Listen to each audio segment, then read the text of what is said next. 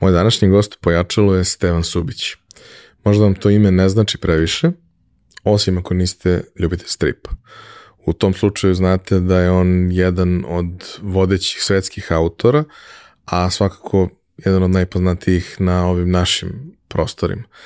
E sad, njegova lična priča je veoma neobična i to njegovo traganje uh, za izrazom koje je podrazumevalo i 8 uh, godina ili 9 godina rada na naftnoj bušotini, tokom kojih nije crtao, je sve samo neobično. Ali kada nešto imaš u sebi i kada te to nešto tera da izađe napolje, u jednom trenutku moraš da pustiš, a onda kad pustiš i kad svet vidi koliko je to veličanstveno, onda se dešavaju neke sjajne stvari. Kakve su to stvari, šta je on to sve radio i koliko je taj put zapravo zanimljiv, a ja vam garantujem da je neverovatan, čućete u ovoj epizodi. Uživajte. Realizaciju ove epizode pojačala podržala je kompanija Epson. Epson je već više od 20 godina vodeći svetski proizvođač projektora i štampača za sve namene od onih kućnih do profesionalnih. Posebno vam skrećemo pažnju na aktualnu ponudu Epson Business štampača.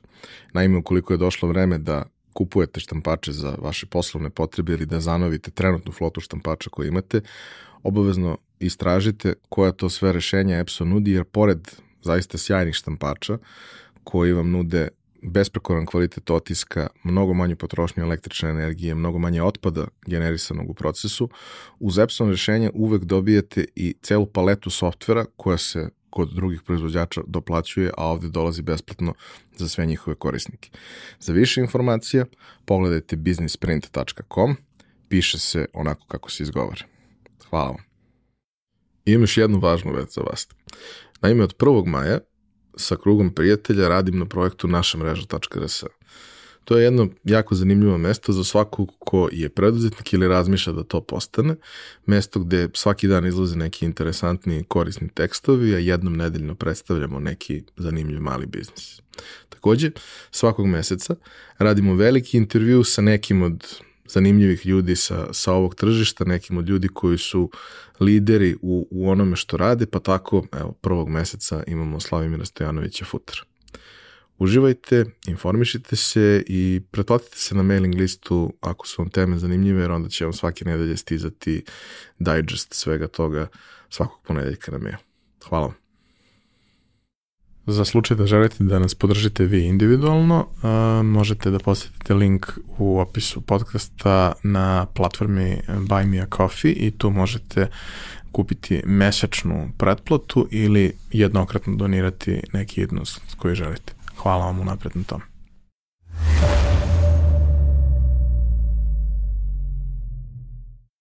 Počet ćemo jednom malom anegdotom. Ovaj, kad sam bio klinac, ja sam jako dobro crtao i osvajao ta razna neka takmičenja i ono, još u prvom razredu je bio onaj moment kao, ajde deco nacrtajte životinju i kod svih je bilo, a šta je ovo, a kod mene bilo, vidi što je lep slon. I ne znam, list i tako dalje. I onda u jednom trenutku moj dragi prijatelj Damjan Stanković, koga se nadam da ću isto nekad ugostiti, Ovaj, on je bio godinu dana stariji i mi smo se poklapali u e, boravku zajedno. I Damjan je crtao najbolje stripove sa ninja kornjačama na svetu i to je bila glavna privilegija da ti dobiješ od njega u boravku, da ga, da ga prvi startuješ i da dobiješ od njega strip sa tri prozora sa nekim od ninja kornjača koje nešto rade. Malo kasnije, par godina kasnije, uh, jedna drugarica poznanica iz kraja koja isto išla u školu, bila mlađa od nas, imala burazera koji je bio, mislim da se zvao Saša, koji je bio jako povučen momak, mm, ono, baš, ja sam prvi put skapirao šta znači biti introvert gledajući njega, koji je tada uh, bio strip crtač ništa ozbiljno, ništa sad to spektakularno, bile su, bilo je par škola, on je završio neki od škola i negde je to radio, čak mislim da nije ni komercijalno radio to nešto mm ozbiljno. Ali sam ja tad prvi put video kako neko u pet linija nacrta uh, ljudsko lice koje je verno onome što, što vidiš. Naravno, na neki način je li iskarikirano, na neki način prenaglašeno, Ali za klinca koji je kao zbog činjenice da sam bio talentovan, prošao tu neku klasičnu školu gde se ti ono kao crtaš e, oblik, pa proporcije, pa ne znam, crtaš meridijane, pa na njima označavaš to sve, konstruišeš glavu da bi posle stotog koraka počeo nešto zapravo da crtaš na svemu tome, gledaš dečka koji dolazi i koji u tri linije izvuče da to izgleda brutalno, a on još nije sad nešto spe, specijalno dobar, samo eto, I ja sam tada rekao, bože što bih volao jednog dana ovo da naučim, kao ne verujem da ću moći bilo kada se bavim tim, ali kao volao bih jednog dana ovo da naučim. I jebi ga, to je jedna od redkih stvari koju nisam naučio, ali uh, imam tu čast i privilegiju da mi u gostima bude jedan od ljudi koji je, ha, slobodno možemo da kažemo, svetska zvezda u tome, a čija je priča krajnje neobična i beskrajno beskreno inspirativna. Tako da, Stevane, dobrodošao. Bolje te našao, hvala na pozivu. Super uvod. znaš, strip je magije.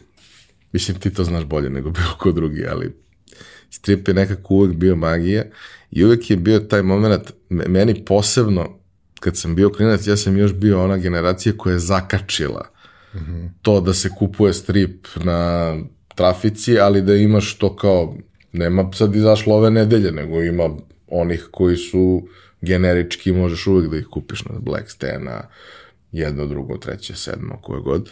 Nisam bio neki pasionirani pratilac toga svega, ali mi je bilo fascinantno da ti za neku relativno malu količinu para dobiješ uh, u tom trenutku knjižicu, grafičku novelu, strip, gde su ljudi samo linijom i ma, sa malo crne boje na belom uspevali da ispričaju potpuno, potpuno neverovatne priče.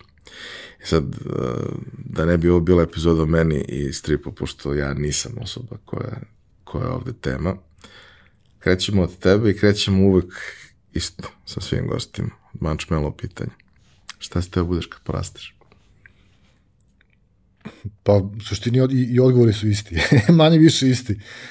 Ja sam hteo da rastući da budem nešto, ali ne, bez, ne sa određenim ciljem. A, međutim, ajde, izdvajao se tu neki pilot, joj, pa se izdvajalo, ali ništa što imalo veze sa crtanjem, a što sam zapravo najviše radio tada.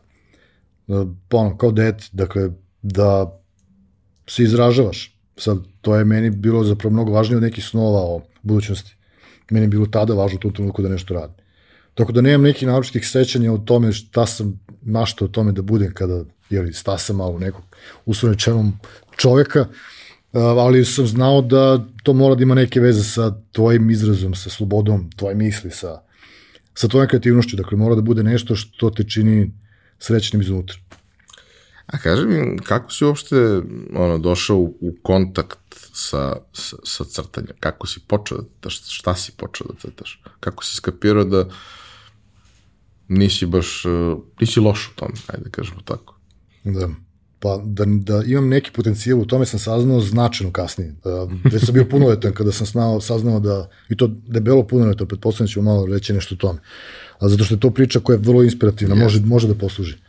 A, dakle, vrlo sam kasno saznao da to što radim ima nekog smisla, u smislu usporedbe, dakle, ravnanja prema nekome koji jeste istinski dobar, provereno, akreditovano. A, Dakle, tek tada stvarno poznaješ neke svoje vrednosti kada vidiš da si sličan nekome ko se dokazao, istinski jest. Do tada, a to je trajalo dosta godina, a, sam ja to radio samo za sebe u intimi svoje sobe, intimi ćoška, da, kastofon sa ono, dupli dek, premotavanje rejđa i korna i šta je već to bilo 90. A, to su zanimljive stvari, ali da, to su bili bendovi koje sam nalazio na, na, na, na trakama u mom zrenju. Mislim, nisam sam bilo nas je dosta, ali vrteli smo te stvari, snimali nešto sa MTV-a, sećam se recimo, da sam stvari koje sam crtao, crtao zahvaljujući muzici pre nego samom crtanju zarad crtanja. Uh, pa smo lovili određene stvari na MTV-u, snimali ih i sad dok drugi rade s time šta su mislili, ja sam crtao uz to. Pa sam tako lovio recimo od Peppersa uh, uh, Love to, uh, Soul to Squeeze, koji je bio zapravo deo soundtracka, godinama ga nije bilo nigde posle. I ta traka se izlizavala, ali zbog crtanja, ne zbog žurke i slično. Počeo sam crtam tako što da je to prosto bio deo nekog mog duha kao klinca odmah. A, sećam se pokojnog dede koji a, mi je, to su mi neke možda najranije impresije o crtanju, samom crtanju, dakle da tu ima neke veze sa ostavljanjem nekog traga na papiru. A, da bi me valjda držali mirnim, jer su shvatili da to nekako ipak radi posao. A, imao sam te neke papire silne na kojima sam crtao neke stvari koje sada mogu da nazovem lastama. A, I onda mi je deda donosio neki, ako se sećaš, one, ono, ono pakovanje sa sto flomastera u boju, da. ono, ne znam u ime, ali to je baš bilo impresivno. I onda te flomastere i znaju da sam miran i onda na tim tapetama ogromnim raširenim po podu ja puzim i crtavam te neke oblike koje danas mogu ličiti na, na laste. Onda ih ukrštam. I sad to nije, to je pre značajno pre što sam ja savladao brojeve i, bro, i brojanje, ali su ta okrštenja značila da naš lasta po lasta i sad ta što preostane u jatu, jatu se bori s drugim lastama. To je za mene isto vremeno bila igra, nije bilo samo crtanje. Uh, dakle, nešto što je, čini mi se, multidisciplinarno u suštini. Dakle, odmah, odmah je stasavao neki um koji na nivou tih sinapsi teži ka izrazu, neka samom crtanju. Um, I onda je to raslo posle u nešto drugo, u izraze, u anatomiju, u, ali ono u stilizovano, lično, dečiju, infantilno.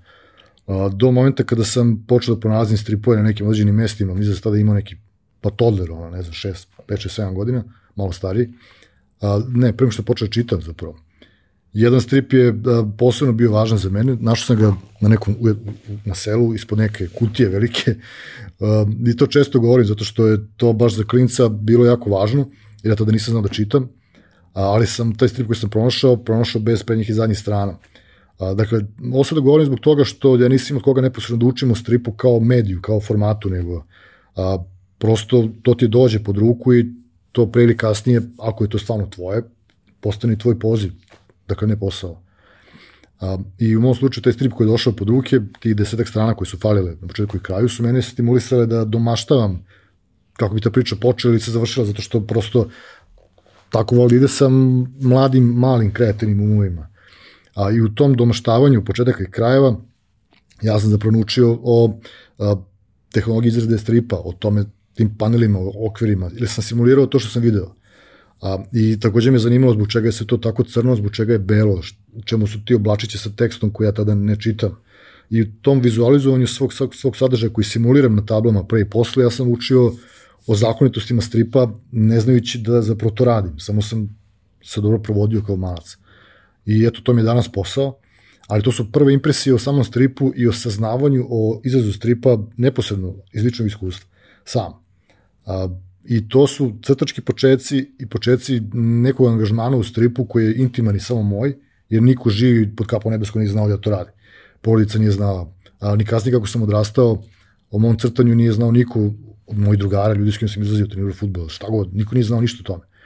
A, do neke, možda moje 25. 6. godine, kada je to počeo da bude neka vrlo, a, vrlo važna realnost za mene, dakle čak i sa određenim očekivanjima. Pričat ćemo o tome. Kasno, da. Pričat ćemo o tome. Ja se sećam, uh, dakle, ne znam kako je u Zrenjaninu bilo, jer svakako je manja sredina. Manji je izbor mogućnosti u odnosu na to što imaš u Beogradu definitivno. Ali ja se sećam uh, u, tokom mog nekog odrastanja da si imao različita raz, raza neka interesovanja u, u raznim oblastima. Neka su bila više inženjerska, neka su bila više kreativna i tako dalje. I imao si one neke kružoke u koje je jako lako ući. Da ti dođeš i ti ne znaš ništa kao tele, ali oni vide simpatično tele i uvedu simpatično tele i onda ti ono kao postaneš radiomater zato što si simpatično tele koje je došlo, a oni žele to, da imaju nove mlade ljude, da se širi priča i sve. E, kod stripaša koje sam ja znao, to nikad nije bio slučaj. Oni su bili elita i kod njih ako ne znaš sve, nemaš ti tu šta da tražiš, nemam ja šta da pričam sa tobom. I to je bio jako veliki problem, zato što jednostavno isto iz ono nekih razloga, okruženja, familije, porodice, ja nisam imao nikog ko je bio zaista u tome ozbiljan, ne znam, naravno, ne, ono, svi su volili Alan Forda, ali Alan Ford nije strip, Alan Ford je sociološki fenomen. To, to je ono, da, to, to je više od, od, od svega. Neki su čitali neke, imali neki odnos prema tome, ali sad taj moment da ti sedneš i pričaš sa ljudima i kao oni zapravo znaju, ono, ko kad pričaš o futbolu pa zna sve, jebi ga da ti kaže, Ja to negde nisam imao, onda u principu u ta društva nisam baš bio dobrodošao u par navrata i nisam stvorio odnos. Uvek je to bilo nešto što je mene oduševljavalo kad naletim u politikinom zabavniku ili dok sam bio mali kupiš Mikija pa u njemu je sve crtano pa, pa, pa je šareno ali nisam nikad razvio odnos sa svem onom i zapravo sam tek mnogo kasnije skapirao tu neku osnovnu nomenklaturu, podelu, šta gde, kako i zapravo mislim, zašto to pričam, ne zbog mene, nego zbog toga što mislim da je za mnogo veliki broj ljudi te neke generacije koje otprilike oko naše, da su ljudi pre nas strip doživljavali kao magiju, da je to ostalo u određenom delu naše generacije, a da su ovi koji su tu negde naši i malo mlađi zapravo skapirali koliko je strip magičan tek onog trenutka kad su postali filmovi. Kad su postali ozbiljni filmovi, kad su im skapirali, čekaj, čekaj, čekaj, čekaj, da, da, da, ovo je film, ali film je na osnovu DC stripova ili Marvela ili bilo čega i onda su otkrili to i kao wow čoveče šta ljudi ispričaju a ne mora da se potroši 100 miliona specijalne mm. efekte na, na, na takve stvari. Uh, Pitaću te još, još neke stvari pre nego što pređemo na, na, na ove ozbiljne teme.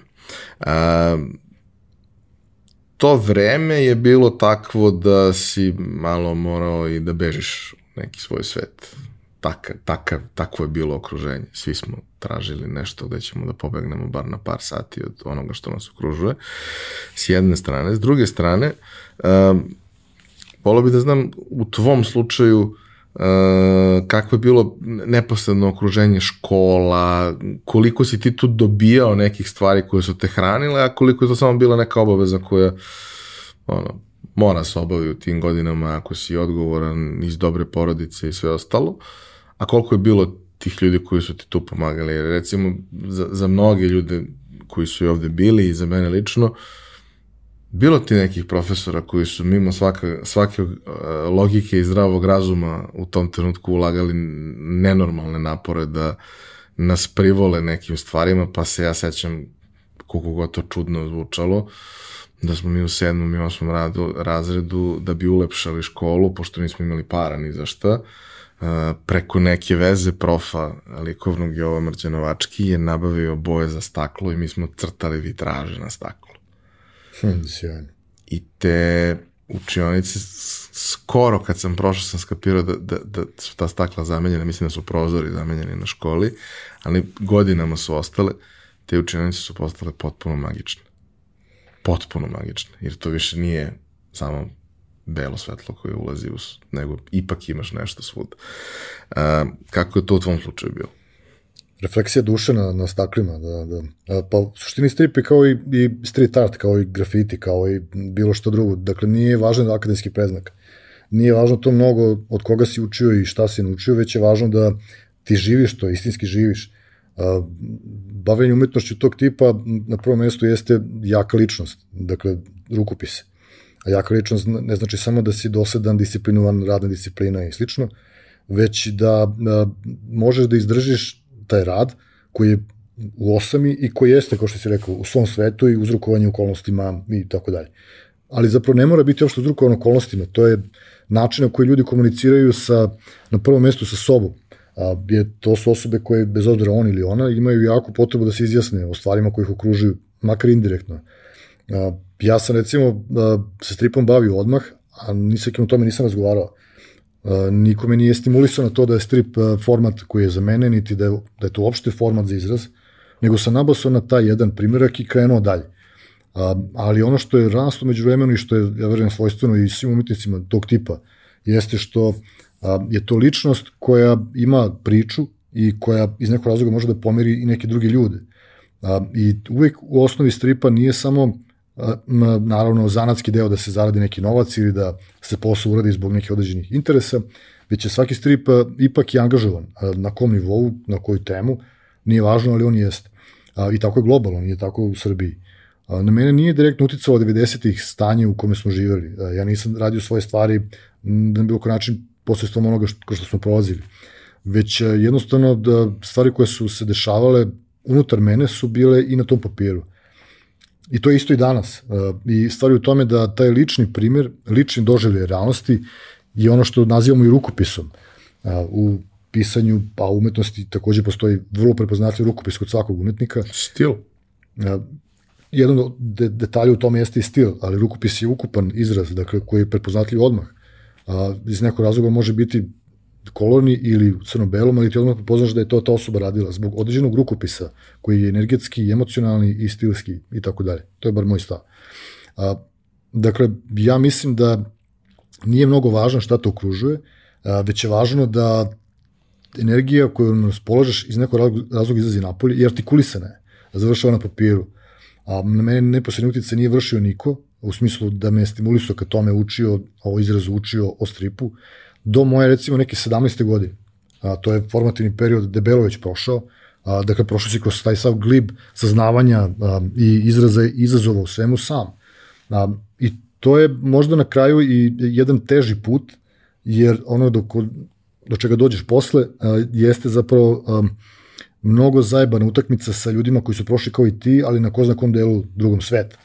A, I oni, ona priča s početka ovog, ovog detalja da nije važan akademski preznak, dakle tvoja konkurencija su svih sapiensi e, globalno koji su kao i ti prošli sličnu priču, ko zna kada u vremenu, gde.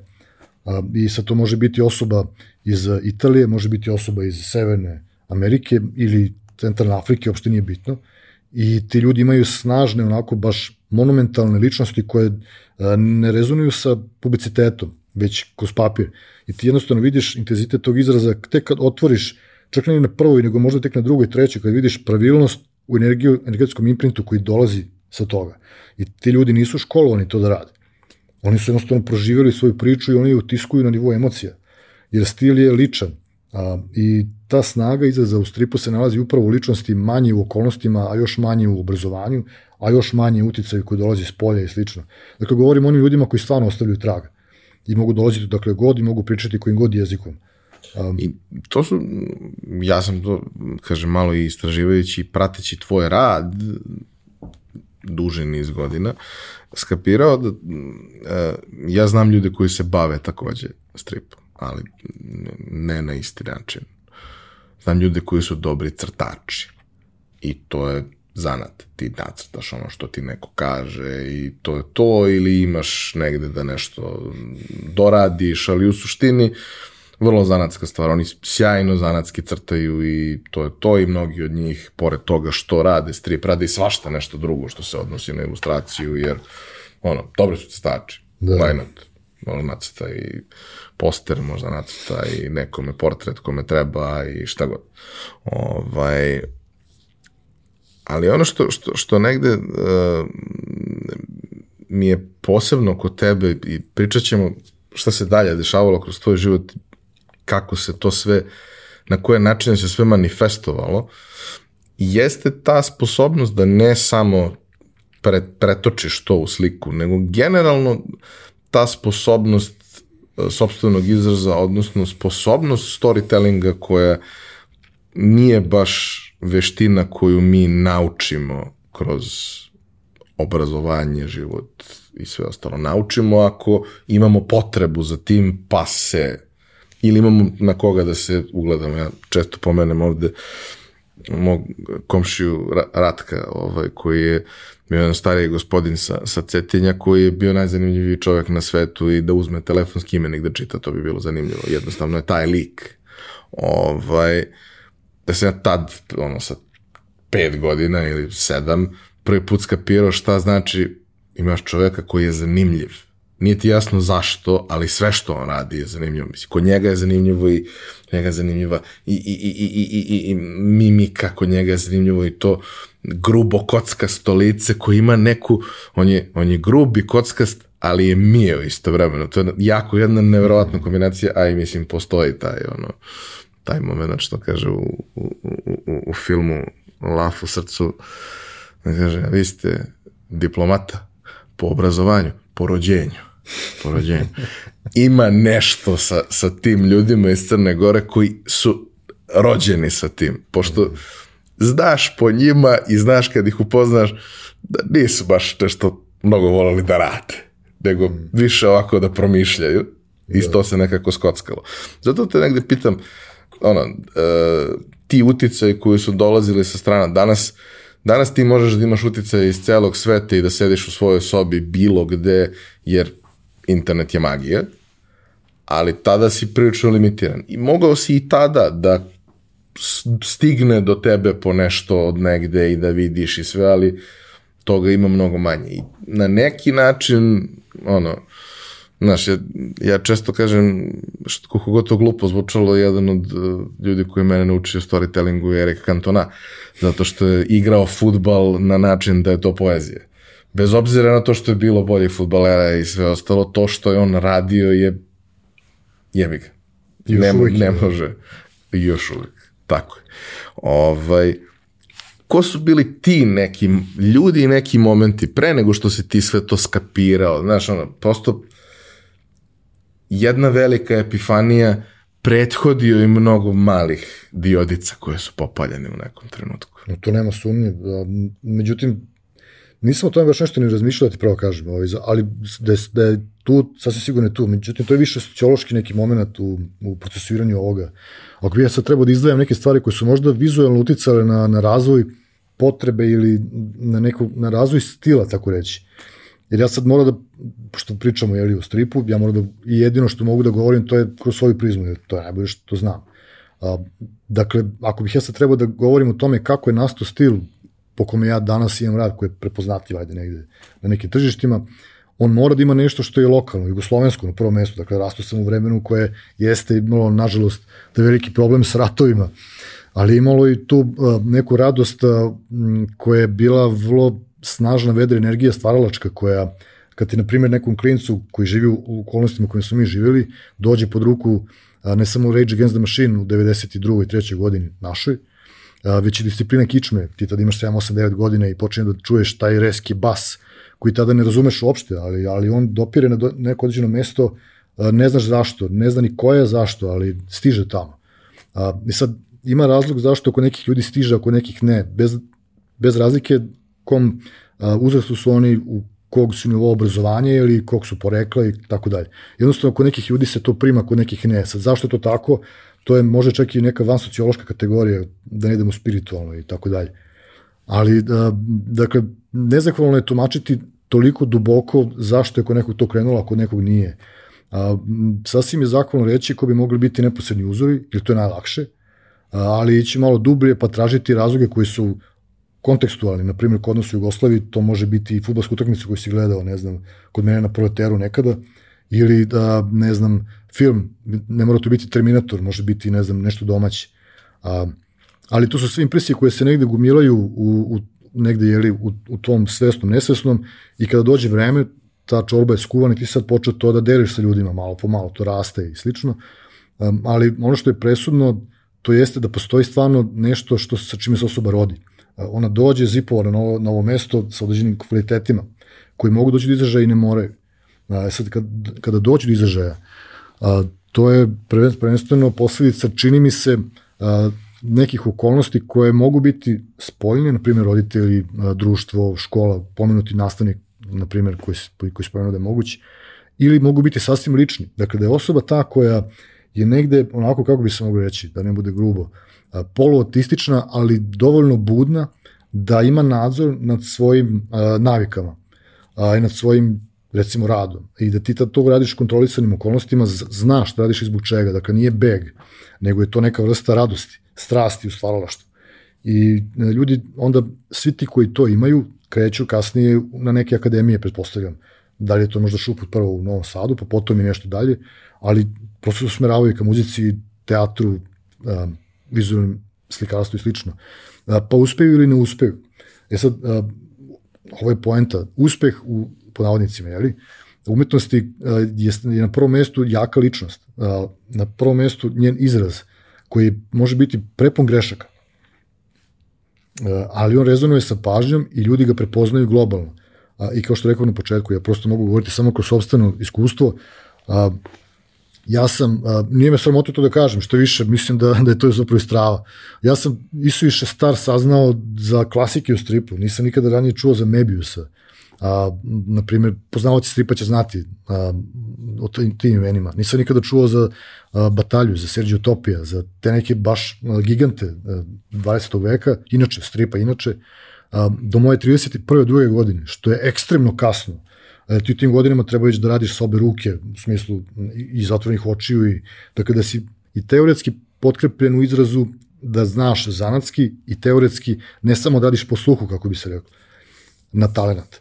A, ja sam tako kasno saznao za stvari a, i zapravo to smatram prednošću, ali samo u mom slučaju.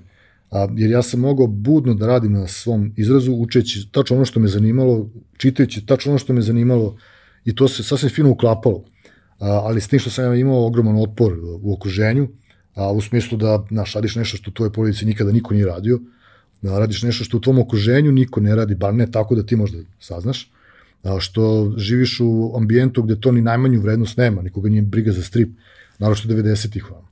A, I samim time ti ne vidiš nigde podsticaj za to, apsolutno nigde. Čak ga nema ni na kioscima u to vreme inflacije i stvari. Znači, apsolutno jedna ono, nula, a ti dalje to radiš. I to radiš zbog toga što uh, smatraš da iz tebe izlazi nešto što bi bio greh da ti sprečiš. E sad ti ko klinac ne promišljaš o sprečavanju, već uh, samo gledaš da a, uradiš što više. A jer smatraš da je tim filtriranjem izraza to sve vremenom postaje bolje i tebi je lakše i sve više uživaš, kako bih rekao. I onda kada dođeš do jedne tačke kao što sam ja recimo došao, sad ne znam, ovo malo širim priču odnosno na, na, tvoj, a, na tvoje pitanje, a, ali a, ja sam došao do jedne tačke kada sam odlučio da upišem akademiju i to je bila kao to je bio moment kad su me život uključuje osobe koje i teoretski mogu da pomognu, da kao ti daju neku smernicu, da te nauče nekim stvarima. Samo ću te jednu stvar pitati. Uh, upisivanje akademije podrazumeva ulazak u taj svet, kao što kažeš, ali taj svet je vrlo često i u velikom procentu slučajeva mnogo širi i veći i ti si otpadnik u tom svetu, zato što ti radiš nešto opet na jedan način koji nije konvencionalno doživljen kao, kao to što treba. Znači ja znam ono kao gomilo ljudi koja se pripremala, neki su uspeli, neki nisu uspeli da upišu, neki su uspeli da završe. Na kraju dana redko ko se bavi time posle. Ali to je sad neka druga priča kako to kod nas izgleda, tako je manje više sa svim umetničkim delatnostima. Ali e, jeste specifično u tome što ono, kad dođeš prvi put na neke pripreme, kad dođeš na prijemni, ja nisam išao na svoje, ali sam išao da pratim neke ljude, da ih ispratim i sve, ti vidiš ljude koji su kao likovi iz filma tu došli i oni su rođeni za to tu i izgledaju, danas bih rekao, ko na stok fotografiji savršeno se uklapaju tu. I vidiš one druge koji se ne uklapaju uopšte, ali ih je neko spustio tu. I njima je tu zapravo mesto. E sad je malo problem pomiriti te stvari na jedno mesto. Mm -hmm. Naći mesto i za jedno i za drugo. Što priprema za, pripreme traju beskonačno. Ljudi se spremaju po, po dve godine i onda na kraju nešto ne prođe zbog neke banalnosti. E, kako si ti prelomio i sa kojom idejom si ti prelomio da hoćeš to da probaš?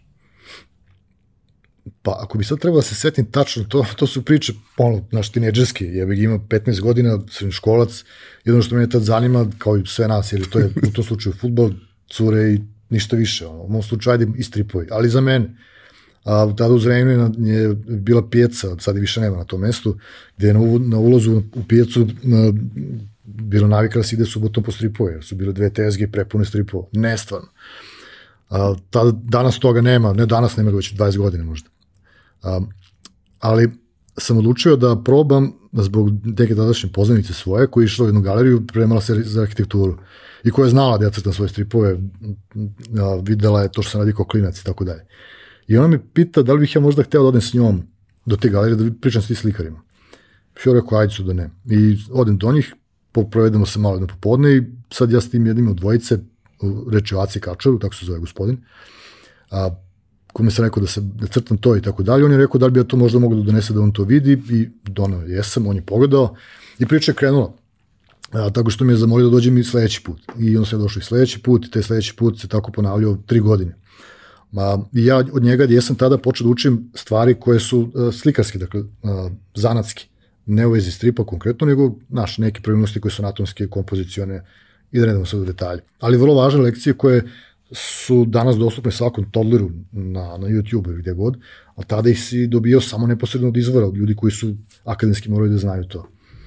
A, I, dakle, taj čovjek mi jeste pomogao da učeši me tem, tim ono, početnim slovima stvarnog zanata a, i ja se nakon te tri godine pripremam za grafički dizajn u, Novom Sadu, odlučujem da ne odem na prijemni, a, dve nedelje uoči prijemnog, zato što prosto matematika moja intimna je bila takva da ja ne mogu da izguram te studije sam, jer ne možeš ti da budeš na Petrodinu na akademiji sa klasom gde se ljudi dobro provode i pričaju o stvarima, a ti da trčiš, da, nos, da držiš e, tacnu ili vučeš džak negde. A, prosto da studiraš na akademiji 6-7 godina, 8-10, ne, ne ide, brate. I ja odlučim da, da, da ipak to nije za mene i odlučim da prestane da crtam. Znači, to je potpuno jedan dramatičan shift u životu i onda odlazimo na razgovor, taj um, gospodin slikar i ja, zato što njemu to bilo poprilično onako neprihvatljivo kao za Boga zašto, mapa ti je spremna, profesori su čak i komisije neki već mapu videli, dakle sigurno ulaziš. A, međutim, ja ne mogu da rizikujem dramatično dug vremenski period za nešto što a, je vrlo nestabilno. I sad te razgovor sa njime je bio u jednoj maloj kafani na odoma galeriju u kojoj sam se spremao, gde smo popili, čini mi se, Zofman tadašnji, a on špricer ili nešto slično. I to je, to je bilo to. Pozdravili se i ja sam prestao crtam. Naravno, 9 godina nisam nacrtao ništa. Bukvalno sam pobacao sva pera, sve četkice i papire. A, radio sam druge stvari među vremenu koje su imale veze a, indirektne sa, sa vizualnom umjetnošću. Fanzini, radio emisije a, na TV-u. Međutim, nisam crtao. A, do 2009. do moje 27. godine, kada počinjem da crtam iz ničega, na papiru, telefonski, telefonski razgovor, neki, neki krugovi crveni, pa ti krugovi dobijaju uši i shvatim da u momentu sam ja nacrtao nešto, posle vrlo duge pauze, potpuno iznevezuše. I od tog malog bezveznog crteža te 2009. A, je počeo da raste iz ničega. A, ponovo od nule ono što se danas naziva mojim životom. Ali tada te 2009. kad sam počeo ja nisam znao apsolutno ništa. I te formativne godine kad imaš 18 pa prestaneš do 27. ti si sve sinapse pogubio, ta tanana relacija oko ruka je zamrla i ti nisi tada na nuli, ti si debelog minusa krenuo da učiš ovo. Ha, kao da zamislim futbalera ili košarkaša koji je napravio malu pauzu od 9 godina uključeno. Koliko god je pauza. Ako ti je to bilo nešto što je tebe obelež, obeležilo kao osobu, ti sada to stvarno moraš da počneš da učiš iznova. E sad, učenje o tome je priča za sebe i mogla bi da potraje, ali, ali ja sam radio posao, dakle nisam sedao kod kuće i samo crtao te stripuje sa 27 godina. Ja sam imao posao na terenu koji mi uzimao dve i po nedelje mesečno, a ostatak vremena tokom meseca sam imao raspoređeno da kada imam vremena malo učim o crtanju, a to znači skupiti stripove. Ne znam ništa o tome, ni ko ih objavljuje, ni ko ih crta, ni ko su najveći važni autori, scenaristi, ko kod nas objavljuje stripove, dakle ne znam ništa ni o čemu. I moram da počnem da učim polako, a nemam baš svo vreme ovog sveta. Pa je a vola bi da, da, da, no, da samo da odgovorim na ovaj detalj o, o akademiji. Ajde, a, ajde. Pošto je to jako važna priča, a, ja sam se samo očešao od nju, nisam na nju otišao, a, međutim to mirenje između koje se pomenuo između onih kojima je mesto i onima kojima, kojima nije mesto, a, ja mislim da zapravo i nije važno kome je mesto, kome nije, a, već je važno da ti, kako si ih nazvao, oni koji su spušteni tamo, da oni moraju biti tu. I čak i da odustane nakon dve godine ili da mu se ne desi ništa sa akademijom, on je nešto naučio i ostvarit će verovatno više nego svi ti koji su zapinili i prošli kroz ceo proces. Možda ne baš kao svi, ali će ostaviti e, daleko sežnijeg traga, jer me mnogo važnije nego, ili njoj svejedno je, nego tim ljudima koji su tamo. A, mislim da je, da je važno akademsko da se razumemo. A, prosto ne može da se baviš nekim poslovima koji su ekstremno odgovorni bez toga. Ali mislim da nije presudno.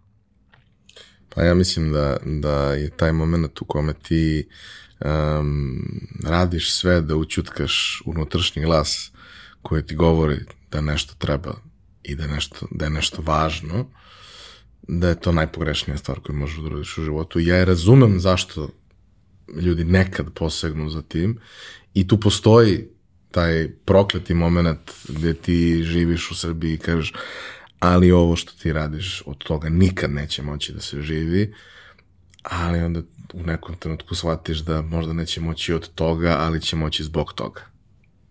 Radit ćeš to da bi se osjećao onako kako ti treba da bi mogao da živiš. E sad, samo hoću da taj period od 9 godina hmm. koje nisi crtao. Ne moraš ti tu previše da ideš u detalj, to nije tema, ali ti tu imaš sa jedne strane izabrao si, odnosno koliko si izabrao, koliko te je dovelo do toga, ispričat ćeš sam, ali radio si užasno težak posao, sa jedne strane, kao blesav čovjek, kao, kao i svi moji gosti. Sa druge strane, ti si konstantno radio nešto kreativno, što nije bilo crtanje.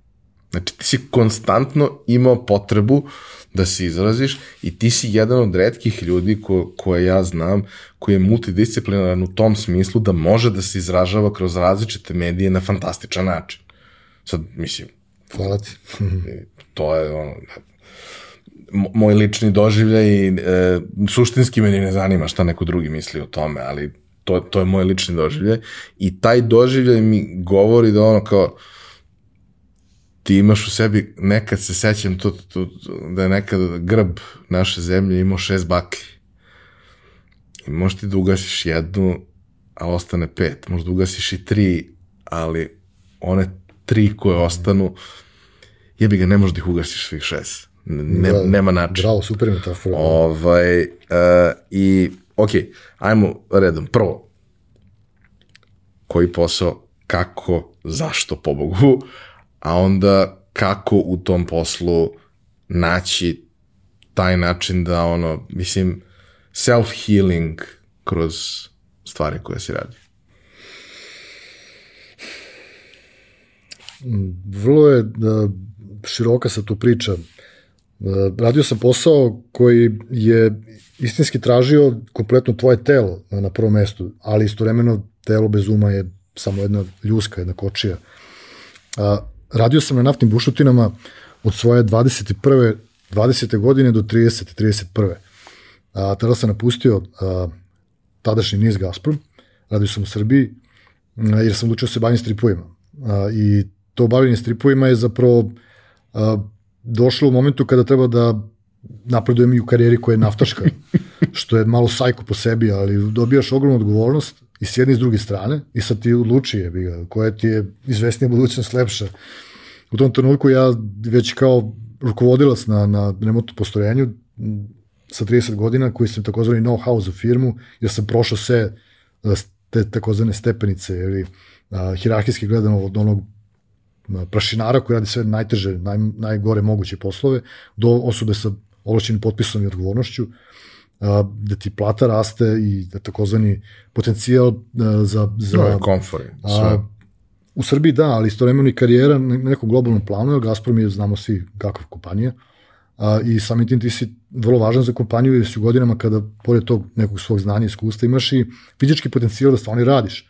Dakle, i da za neke ne bože situacije, ili ima u takvom poslu jako puno, a, možeš da stvarno radiš stvari koje su koje spašavaju živote, kako bih rekao, možeš da pritekneš u pomoć vrlo brzo, hitro i a, dakle počeo sam da radim taj posao zato što je to bio način da se ostavim u potpunosti, da zapravo steknem svoj novac i to tada dobar novac, da a, jer uvek sam bio fizički aktivan, veoma, da trenirao sam futbol jako dugo, a, i voleo sam fizički posao, prosto nekako moje, moj organizam, moje postojanje se zasnije koliko i na umetničkom, toliko i na ono manuelom, ja stvarno volim to. Uh, I, na primjer, sećam se da sam prvi put otišao da bi zaradio svoj novac, da nisam morao, ali došlo mi, želeo sam. U prvom završio se, uh, to je bio prvi srednji, uh, završio se, završila se prva godina i sad letnji raspust, I ja zabodem uh, posle voda prvih par dana raspusta na sasvim suprotan deo grada, zove se Mužlje u Zrenjinu, e, gde sam radio jednu mlinu a, tri nedelje, vuku džakove sa, ne znam šta već tamo imaju, jer mi je trebala ta lova, mislim, moja porodica nije na, na ivici egzistencije, ali ja sam uvijek imao taj neki drive kod tome da što bi za Boga, ako mogu, zašto to ne bih činio? A, I onda taj novac koji sam dobio je zapravo potrošen na neke naučare koje jedan ortak seo na njima, seo na njih na žurci, iskršio ih posle, ne znam, prokati 10 dana. Majicu koju sam poklonio kumu koja je danas do kolena, dakle nema veze sa životom ništa. Ona. I gajbe piva nek, našeg portera koga nije bilo posle toga dugo. Dakle, nije važno šta je s tim bilo, ali taj drive je uvijek bio tu. A, I taj odlazak na posao tamo ja sam imao dužu kosu kovrđavu i dakle ništa što ima veze sa njima nije bilo u, u mojoj ličnosti a ne, ne sa ljudima tamo, nego s tom vrstom postali, sve prljavo, sve opasno, nafta je na sve strane, sirova, ona je viskozna, ima svoj miris i teško se pere, a ti ideš sa kosicom, znaš, ona prosto ne ide. Dobro, mislim, Dakle, taj moment, jedan od najtežih poslova na svetu. a, jedan od pet, sasvim sigurno. A, E sad, taj, to privikavanje, ti ups and downs i taj, taj moment rehabilitacije, mentalne, fizičke, usled tih šokova koje tvoje telo i tvoj um proživljavaju na tim mestima, te ipak čeliče, a, hteo ti to ili ne. A, daću primer, možda je to najbolje za, za, za ono, tvoje slušalce ili ljude koji gledaju, zato što tako najbolje usvaja na intenzitet tog proživljenog. A, ja sam recimo u momentima kada, ja sad već imam možda 7-8 godina staža, 9 na primjer, dakle ono, prekaljen, naviknut na elemente, na, na rad noću, na rad danju, na rad u, ono, ne znam, u podne u avgustu ili u januaru u 2 ujutru na otvorenom brisanom prostoru. Dakle, to su na prvom mestu zahtevni, uh, zahtevan je boravak na takvim mestima u tom trenutku pod punom HTZ opremom. A, a još je zahtevnije uh, boriti se s elementima tada. Jer, znaš, jedno je kada tebi pirka vetrić, ne znam, u facu kad voziš bajs pa se nerviraš, a drugo je kada si ti na otvorenom prostoru dva ujutru pa ne znaš šta ti kaplje zavrat. Da li ledena kiša ili nafta kaplje od nekude, sad to tu ostaje, a ti jebeno ne znaš šta je, znaš, a ti treba da ostane tu do ujutru, ono. E sad, to su sve sitni testovi ko neka japanska mučenja, ona, koja te proždiru iznutra dok se ne navikneš na neke stvari. Prosto svi viškovi moraju da odu, što pre. A, I onda recimo primjer koji hoću da dam, to je jedan, a, ne znam, zaboravio se ime čoveku, mislim da je negde bio naših godina, koji je bio a, ono, gromada, čovjek vaterpolista, sjajan lik, prosto džini, jebi ga, kapiraš, ovaj čovjek odvaljuje bez napora sve. On je došao, radio neko vreme i nije mogao da se navikne motorički na tu vrstu repetitivnog posla. To je napad na nerve na prvo mesto. A istovremeno onda i elementi, ono blato, gusto, mi kapiramo kao crnjanski, pa blato, banatsko, ko to stvarno nije prošao da ostiš kako je to kad ti čizma ostaje u tome, ali ne, ili opanak, oni su imali to, jel?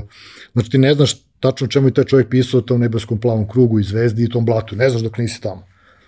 A, e sad, taj čovjek je video te uslove i, znaš, prosto jedno, jedne večeri u noćnoj smeni, takav ogroman i super snažan, znači čovjek ne samo što je krupniji od svih nas u smeni, nego kapiraš jači je, ga.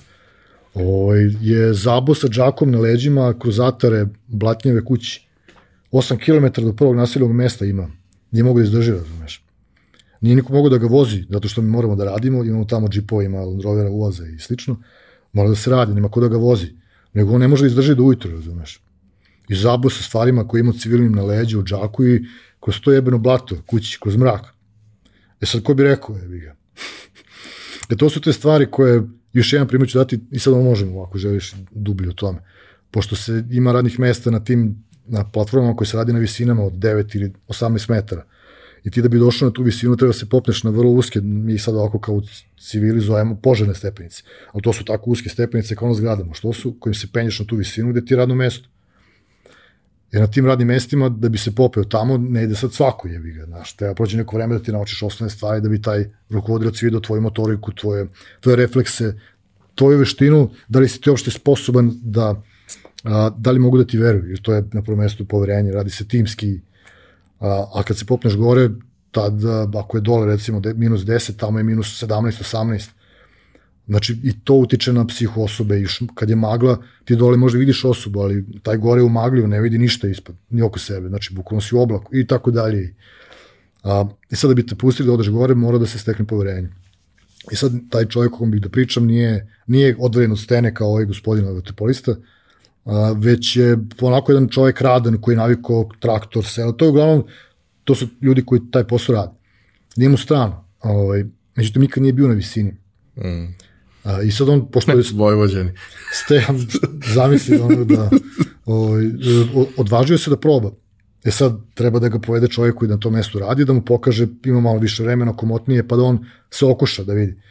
Ovo, I sad on krene, sve to njemu poznato, on to gleda već godinama i proživljava, dakle ništa mu nije nepoznato, ni te stepenice, ni penjanje, ni...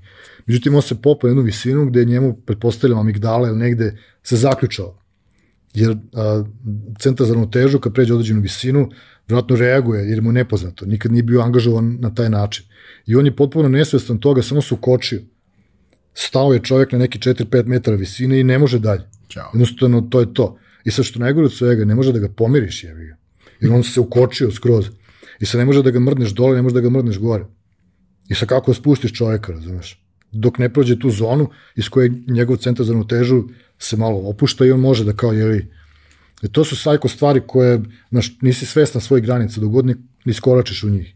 I ti, a, neki ljudi imaju tu, hajde, može, može se to nazvati nekom srećnom okolnošću ili privilegijom, bogom danu, nemam pojma, da, da iako imaju te zone, neke granice svojih potencijala, imaju i način da brže, bolje, potpuno nesvesno premoste te, te svoje nedostajuće sinapse i da prođe odmah kroz to. Ja nikad nisam bio na visini dok se nisam popao prvi put i prošao sve to. Radio sam dve po godine taj posao na tom radnom mestu. Uh, ali, znaš, nije nikada svejedno, nikad si na to skroz ne, skroz ne navikneš. Jer u opisu radnog mesta ti je uvek opasnost po život, u svemu. I ti potpisuješ to a, pri ugovoru. Sve što takneš je opasno. I sad samim tim i ti prihvataš tu odgovornost i tako dalje, odgovornost za druge i A, dakle, rehabilitacija od, od, od, od tih silnih ups and downs koji su dnevni tamo a, se dešava u trenutku odmah i postičete da budeš kreativan. I ti ljudi su ekstremno kreativni tamo, koji taj posao rade. A, I vrlo su inteligentni, među najinteligentnim ljudima, iskreno rođenim inteligentnim sam sreo tamo. Nisam ih sreo na univerzitetima gde sam bio ili na putovanjima ili gde god. Da, da, ti Nego se tamo, tamo. faktički baviš 24 sata problem solvingom. Na primjer, I problem solvingom koji nije jao šta ćemo sa ispucalim gipsom na zidu, nego problem solvingom koji može da spase ili ugrozi živote, a ti se ipak baviš jeli, iskopavanjem, odnosno izvlačenjem nečega što je glavno gorivo za ono, apsolutno celu ekonomiju. Ko, sad, možeš ti da staneš u teoriji, ali ne može sve da stane zato što si ti stao. daleko od toga, da. E, I sad ti imaš taj, kažem, moment, a, ako, ne znam kakva je bila organizacija kod vas, znam ljude koji su putovali po inostranstvu na takve poslove i oni su obično išli na te varijante gde se ide na nekoliko nedelja ili mesec ili tako već i to se rade smene koje su sulude po 18 sati, po 24 sata, pa pauza, pa ovo, pa ono. I onda imaš to, gap, nedelju dana gledaš u zelenu. Sad neki se vrate, neki se ne vrate, zavisi kakve su im planovi. Mnogi koji su išli, išli su sa ciljem da zarade neki novac, uštede za stan, za ovo, za ono, šta god. Ovaj, kako, kako je to kod vas bilo organizovano i čime si ti to popunjavao? Mi smo imali smene, mislim, pretpostavljam da i danas, da je isto, isto i danas, e, koje su po 10, 7 dana se radi, pa se 7 dana slobodan. Radno vreme je bilo 12 sati, s tim što ja, osim kada smo radili negde na domak Zvejna, gde ima dosta naftnih polja, ele, Elemirsko i, i na Mihajlovu i okolo, a, sam išao kolima na poslu, dakle ja sam ustajao svakog dana, pošto smena je počinjala u 6, ja ustajem u 4, sedem u svoje kola i vozim svoj golf keca do, ne znam, Kikinde, do Kape polja takozvanog ili gde se već radilo okolo. Uh, I nazad uveče. Neki su ispavali na trenima, ja baš nešto nisam tu voleo. Nije da nisam nikada prosto, ali znači sam vozio kući. I onda dođeš kući, pošto smena traje do 6 popodne, ti si kod kuće negde 7, 7 i nešto. Uh, I prve te 4-5 godina prvih rada ja sam zapravo dolazio kući uh, potpuno premoren, nesposoban, apsolutno ni za šta. Jer ti prvi 5-6 godina rada ti si tamo ruki i ti teški poslovi koje obavljaš, ljudi ne mogu da shvate koliko je to teško, ne na nivou onog fizičkog, nego i na nivou mentalnog. To su, to su drenažni procesi, drenažni, na način da treba da se okušaš, da te vide, imaš i ti potencijal da budeš tamo, ne da zasereš nešto pa da ne da Bože neko nastrada. Jer tamo je bukvalno timski rad na način da ako, ako ne vodiš računa o, o sebi, donekle ne vodiš računa ni o drugima. Ali istovremeno moraš i svesno o drugima da vodiš računa. Naročito ako imaš od- odgovornost kao vođe smene ili slično. A, jer a, opasnost je tamo monumentalna i ti dok se ne navikneš na tu opasnost i na to da ti svi da te svi uče neprestano iako taj ton može da ima neku dinamiku njihov koji je agresivan i suviše, ali to je zapravo učenje. Ti dođeš premoren kući. Vojska, ja to po- po- poredim samo sa, No, sa vojskom. jeste, da. da. Ali ne vojskom koja je ono obavezna vojska, pa ti govore bacaj se u blato, a ti si u fazonu, ma dobro, brate. Dobro, ima ovde slične Ne. stvari, znaš, ljudi su ti govorili zašto su tako navikli da treba da se podmaže navoj na nekom, recimo, tubinzi su te cevi koje se, kojima se oblaže bušetina, a, da se, recimo, ti navoji podmažu prosto moraju, to je kao deo mašinskog procesa, ali ti ljudi to rade golim rukama, znaš, on uzme u tu mašinsku mast, gurne celu šaku i on se tako maže i sada ti imaš i gumene rukavice za to i alate za to i ti nećeš to tako jebi ga. A, zato što postoji način da to uradiš to i, i bez golih ruku, nema potrebe. Jer postoji opetci na tim navojima od silnog trenja koji vise i ti kada se zasečeš sa time, pošto su sve te cevi radioaktivne, moraju biti zbog velikih pritisaka dole. Najbo si, brate, znači tetanus ti ne gine, što ti to treba u životu? E sad, znači, rukavice i to, i ako ti neće da staviš mast, kako ti je taj lik rekao, ti si u problemu, znaš. Bez obzira što on zna da je ovo moje sigurnije, ali upravo tome što je to sigurnije njega iritira. Jer šta je on glup, razumeš, šta on radi to 25 godina, ti će sa njemu da soliš pamet, ono. O, I to je neka vrsta vojne doktrine koja nije vojna, ali jeste vojna. Znači, on te tera, ne da sedneš i skočiš, ali te tera da radiš po njegovom. Iako je to njegovo neispravno. A, I onda ti moraš da praviš kompromise na petoparcu, vrlo brzo, jer te oko, oko vas dvojice stoje 4-5 njegovih drugara s kojima radi 25 godina i gde je sve to jedan proces. Ti treba da učiš u tome i da budeš deo tima. Ne smeš ti sad da se praviš pametan, da ti radiš stvari koje oni ne radi inače. Dakle, mora... Jer ćeš biti izopšten pa ili ćeš biti kažnjivan i tako dalje. Ti ne možeš sad da se buniš, kažeš, e, ovaj, premestite me na drugo mesto, nego moraš biti deo tog kolektiva. I, dakle, razmišljanje na petoparcu je jako važno, sad ko se kako snađe, ali taj proces koji traje 5-6 godina, nekome može traje duže, nemam pojma, a, te izmori baš fest, onako, skroz. I ti dođeš kući kao sunđeš se isteđen, prazan, nisi ni zašto. A, I onda, posle te 5-6 godine sam taj gap, kako se ga nazvao, počeo da popunjavam crtanjem jer sam odlučio da i sedme da počne da se bavim stripom ponovo. I uh, onda sam, uh, kako sam mogao da izvedem to silno učenje koje mi je nedostajalo, tako što sam svakog dana, kad sam se vratio uz buštinu pomenutih 8-9, posle celog tog dana rada, ja crtao pomalo. Znači, sedim kod kuće i crtam, i dok ne počnem da kljucam, bukvalno da mi da ono, lupam čelom o sto, ja onda ipak bar još to malo moram što sam danas splanirao i, i samo se izvrnem u krevet pored, a i sutradan ustajem u 4, idem opet, kad se vratim ponovo, možda 15 minuta, samo 20 tog dana, kad sam se vratio, mislim, govorim o crtanju. Bez obzira šta se tog dana dogodilo na, na terenu. I tako cijela nedelja. I onda kad sam slobodan, onda pun gas idem na...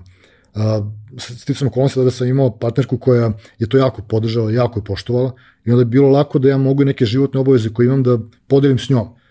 I onda smo radili stvari brže, ali sam ja imao prostora za, za crtanje. I u suštini e, taj ogroman vremenski period koji traje od 3 ili 4 godine se dešava uporedo sa radom na terenu, gde ljudi na terenu nisu znali za ovo, a ekipa koju sam poznavao u stripu, na festivalima i tako dalje, nije znala za moj rad na terenu. I čak i kada sam dobio prvi profesionalni posao u stripu i završio prvu, prvu svesku u Italiji, italijani nisu znali da radim na terenu, a ovi na terenu nisu znali da sam objavio profesionalno strip u Italiji. I tek kad sam objavio strip u Italiji, kad je došla ponuda za novi, ozbiljni na naslov tamo, ja sam već bio vođa smene na terenu i onda su počeli da mi nude dodatno, dodatnu odgovornost na to mesto. Jer sa te dve stvari ne idu, ja bih jedno s drugom, ni na koji način, jer ta odgovornost ti jede živce, to je ogroman stres, jer ti potpisuješ naloge, imaš odgovornost za sve resurse tamo koji su u krugu bušutine i ljude na prvom mestu, a onda odeš kući kao sad, da rasterećeno radi ko što radi u prethodne tri godine. Mislim, zato što negde bi počeo da, da je klecam. A isto tako mi se strip koji je dolazio činio sve zahtevnijim, ja sam dobio scenarije koji su do zla Boga bili e, sve zahtevniji za početnika, neko ko nema rutinu izazov.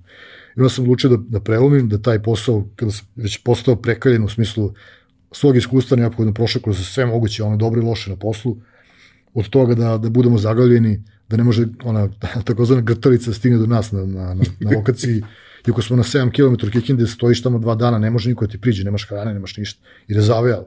Znači od toga do, do erupcija naftnih koje su kao mali vulkani, to je teško je opisati, imate na mreži, pa koga zanima može da, da vidi.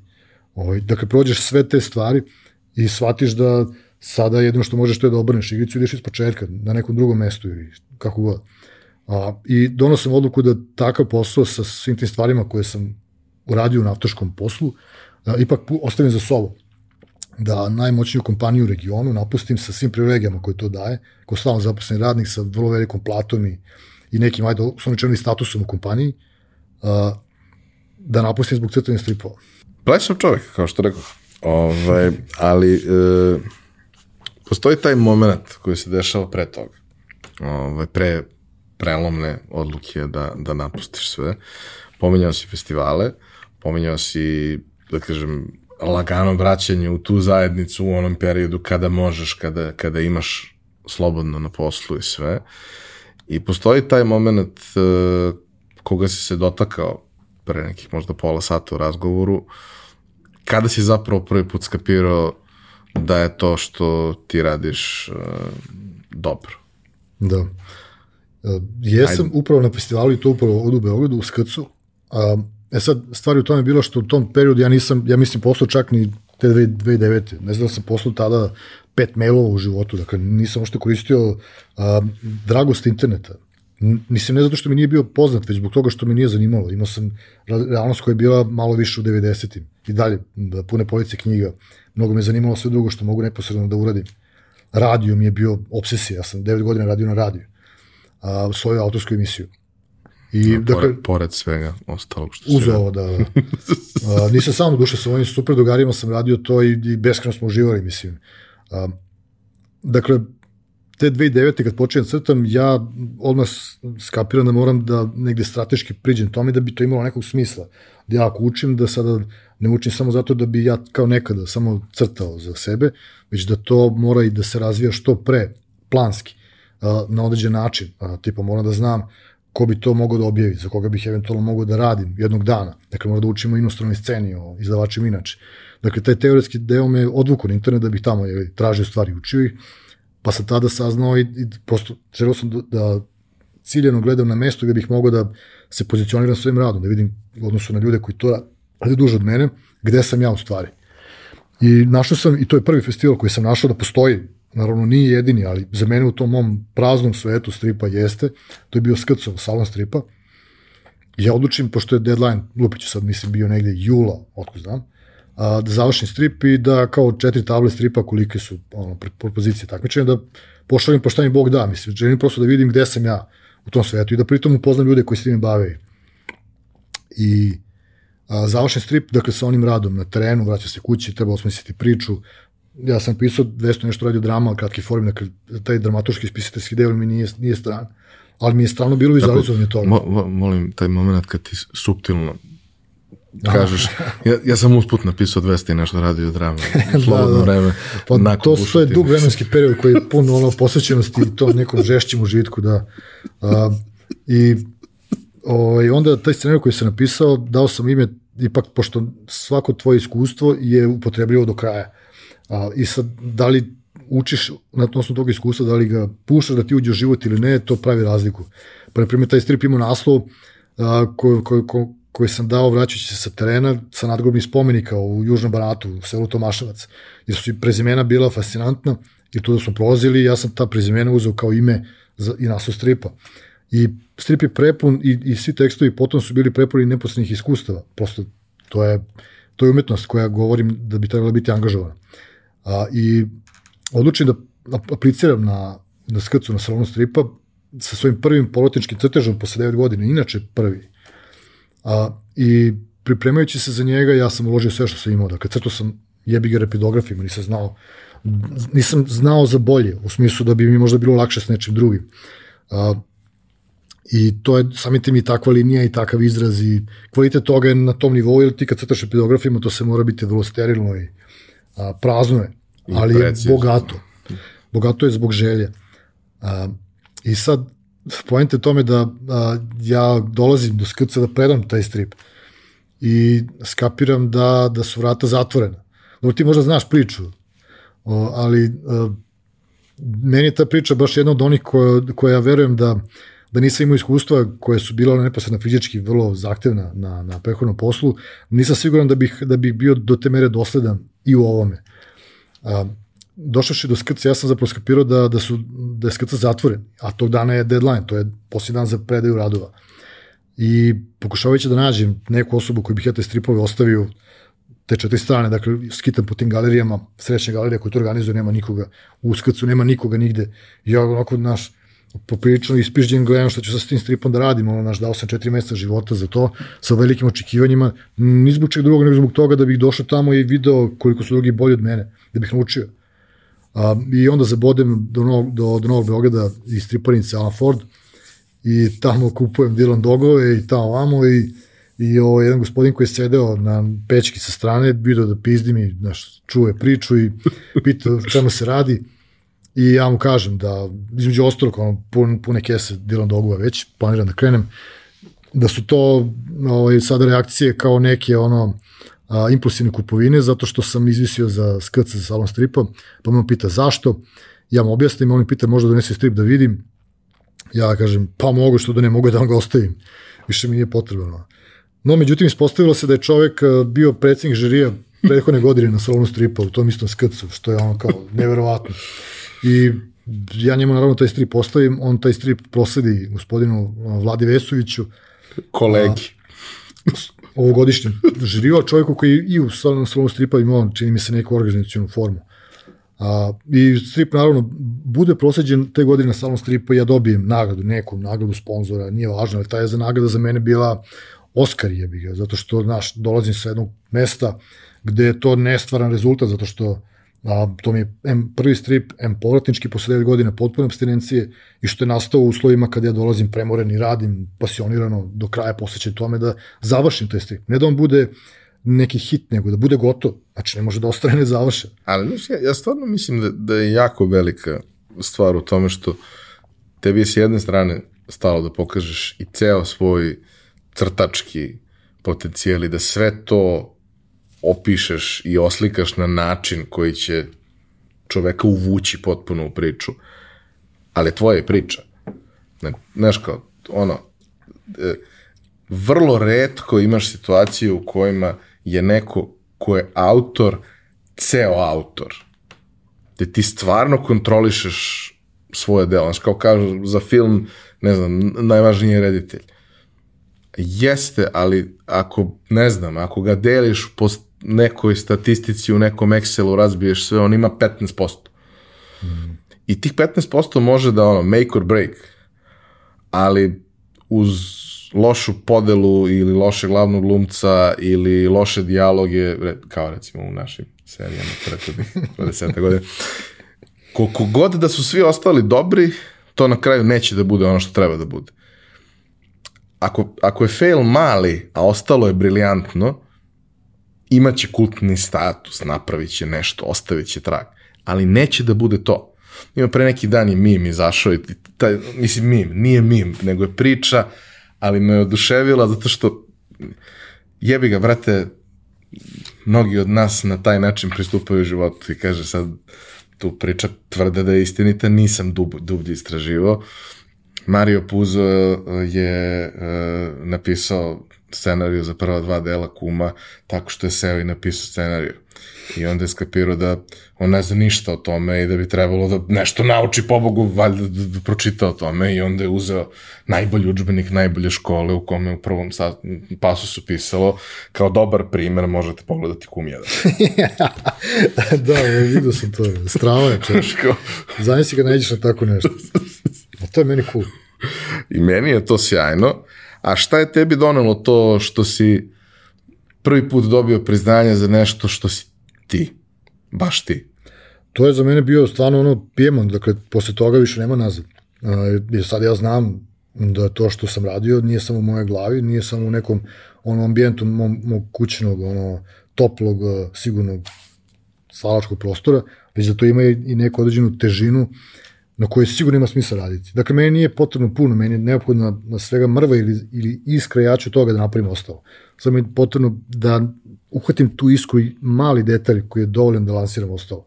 I ovo je meni bilo to. Ja nisam tada bio klinac, ja sam imao 27 godina. Dakle, to je za neke ljude već da, poprično zrela faza. Je.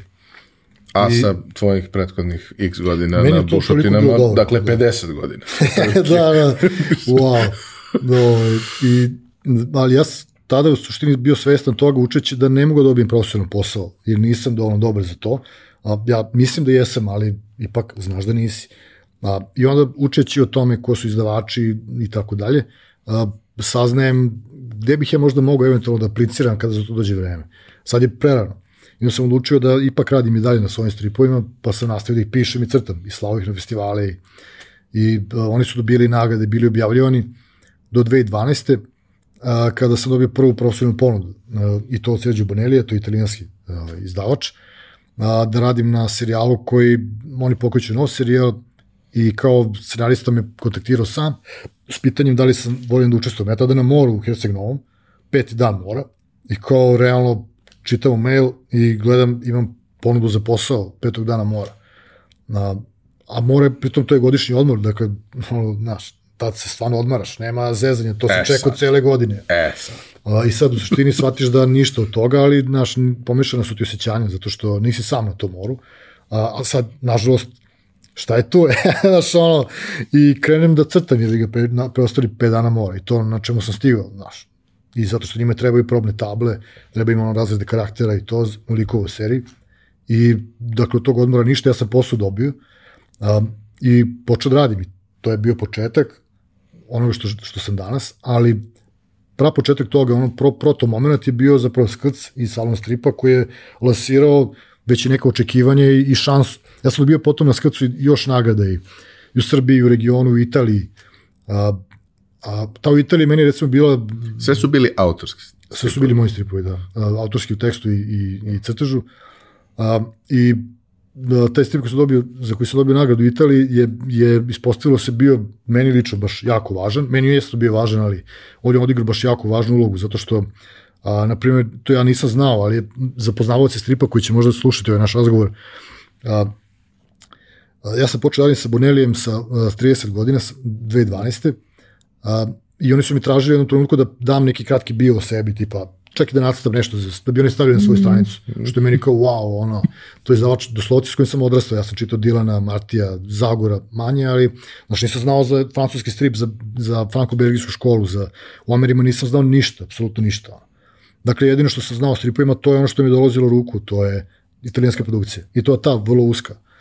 A, I u suštini, da, taj isti izdavač sada ne samo što ti dao posao, nego što te uvlači u profesionalni svet, učite za natu, stvarno te uči za natu, i što će biti tvoja slika negde tamo, sa tvojom biografijom, kao jednog zreninca koji nestvarom je to i danas. Uh, I ja sad to njima pošaljem, svega par redova, i prođe to jednu godinu dana i meni dođe, ajde da pogledam šta su, kako to izgleda na njihovom sajtu, potpuno zaboravio da, da sam to pisao. I sad ja odem na sajt Bonelija, pogledam to i vidim da ima jedna, jedna čak dve rečenice koje su onako debele, boldovane su, žešće, ja ih nisam napisao. Oni su dodali to i istakli ih još. I sad ja to pročitam i vidim da su oni ubacili detalj o mojoj nagradi u Italiji, tom Grand Prix koji je Genovi bio. A, I tada skapiram da je predsednik žirija u, u Genovi bio e, Sergio Topi, a to je jedan od pet džinova svetskog stripa, čovjek koji je tvorac baštine, jako, jako uticajan autor. Pokojni, nažalost, umro je pola godine nakon tog festivala. Um, I sad oni su pronašli taj podatak da je predsedavajući žirija bio Sergio Topi i boldovali ga. Ali ja to pritom nisam napisao, nisam znao. A zašto nisam znao? Jer sa 30 godina nisam imao pojma da taj čovjek postoji. Znači, ja, nisam, ja sam pročito ime, ali nije ništa značilo. To je kao recimo sad ti kad bi pričao s nekim o Zidanu, znaš kao, a ta nema pojma. Znači gledate kod teli kao Da, da. A igra futbol čovjek, nije čuo za Zidana. Tako isto ja, znaš, kao bavim se stripovima, nisam čuo za Ima taj čuveni za ove mlađe populacije ko pa, se loži na košarku i sve, ja to zovem takozvani Čubrilo. Te. okay. o, ovaj, ako ne znaš ko je Aleksandar Čubrilo i navijaš za Partizan, nemamo temu za razgovor, jer kao ti, pa, ti brate, ne znaš to. šta je pa, da. Partizan. Ja sad ti vidim. Ovaj, ali taj, taj moment uh, gde, ok, stvari se dešavaju i dalje u paraleli. Ti imaš dva života i jedan je užasno težak, a drugi je užasno zadovoljavajući. Ali sve vreme pokušavaš ono što, što si sam rekao. Prvo, znaš ono, treba ti se vrati ruka. To, ok, vratila se ona, pa sad treba da se razvije dalje. Treba da učiš, treba da upoznaješ nove stvari. Rekao si da si sa jedne strane i od izdavača imao podršku u smislu da su oni videli potencijal i da su gledali da te istreniraju, da te nauče, da ti pokažu da... Ajde mi napravi nekakav landscape. Ja kapiram da postoji određeni nemali broj ljudi koji, koji ovo budu slušali, koji znaju o stripu beskonačno više nego što znam ja, ali ajde da objasnimo ljudima koji ne znaju ništa o stripu, kako zapravo funkcioniše strip industrija, koje su škole, koje su neke bazične karakteristike tih škola i na koji način se te priče, da kažem, ok, tvoja je takva, ali ti znaš kakve su bile negde i druge priče, koje su neki uobičajeni putevi kako ljudi dođu i do kojih nivoa dođu. Jer kažem, mm. osim tebe, koji radiš to što radiš i ti si potpisani autor na stripu koji dađe. Ti kad odeš negde, oni organizuju da ti dođeš da potpisuješ ljudima stripove. It's a big fucking deal. Većina ostalih ljudi koji ja znam samo crta ono što voli i srećni su zato što crtaju ono što vole, ali niko ne zna da oni postoje. Znači, ono, oni su vrlo često, znaš, kao, ne, neki od njih su zapravo svoje uhlebljenje našli u tome što su storyboard artisti za, za, za razne produkcije kojima treba neko ko će jeftino da istrta sve scene. Da. Pa, znaš, gledaš šta možeš, kako možeš, a da budeš ispunjen i srećen. Ali to što si ti napravio, ti si ne igraš Ligu šampiona, pa bih volao malo da mi daš jednu perspektivu Hoću kako radi. se stiže do nje i šta sve postoji, zato što ti si, pričat ćemo i o tome, ti si radio u različitim stilovima, radio si svašta. Jebote, to je potpuno različito. To veze nema jedno s drugim. And yet again, da. dođeš za neko vreme do svega toga. Pa kako to sad sve teče, šta tu postoji, kako ti to otkrivaš, jer treba da, došao si u 30 godina u, u to da treba sad da ti neko prepriča tih 500 knjiga u narednih par da. godina da bi stigo da treba. Ili filmova ili predstava ili šta god. Postoji, postoji pet velikih tržišta koje su prosto dominantna i ona su, ona su osobena po tome što imaju svoje škole, a te škole nisu sad univerziteti, nego škole onako u nekom substancijalnom smislu uh, za proslove o načinu na koji ti ljudi doživljavaju tu umetnost. Govorim i, sa stanovišta publike i sa stanovišta industrije, to jest tih lokalnih izdavača, urednika i, i slično. Uh, ja sam počeo s italijanskim, uh, italijanski strip je možda i negde naj, uh, pa ne mogu reći najzahtevniji, ali je onako specifičan po sebi jer ima jake uh, standardizovanje baš do kraja. Oni imaju taj takozvani Bonelijev kavez, to je tabla stripa, uh, strana ili tabla stripa, koja ima određen, određen, određenu kompoziciju koje, od koje se ne sme stupati. To su dva, uh, 4 do 6 prizora koji imaju određenu kompoziciju. Dakle, uh, oni moraju uvek tako izgledati. Znači, nema, nema template. Nema igranja, pa da, nema igranja sa time kako ćeš da pozicioniraš koji panel. Nego on mora da izgleda tako. To se zove Bonellijev kavez. Oni su do kraja standardizovali svoj izraz. Uh, I oni su, oni baštine crno-beli strip i italijani su vrhunski majstori, genijalci u izrazu, u lakoći, u tušu, u bogatstvu. Uh, ne znam, oni imaju to, takvu plejadu vele majstora da, da sad to bi potrebalo da se nabraju. Uh, Milaco, uh, Topi, pomenuti, uh, to su sve potpuno različiti autori među sobom, ali džinovi. Ima ih oni koji su ostavili tragu u američkom stripu, kao Mazzucchelli, uh, koji radio na Batmanu, Batman Year One, po kome film novi snimljen u značajnoj meri potiče od filma iz stripa uh, iz 80-ih koji je, recimo Italijan vizualizovao. A, a oni imaju isto taj Bonelli, dakle škola ne znači da svi sad tako crtaju, nego ta industrija na određen način uh, određuje tebe kao autora dok se za njih radiš. Ali to ne znači da ti ćeš ti samo to raditi.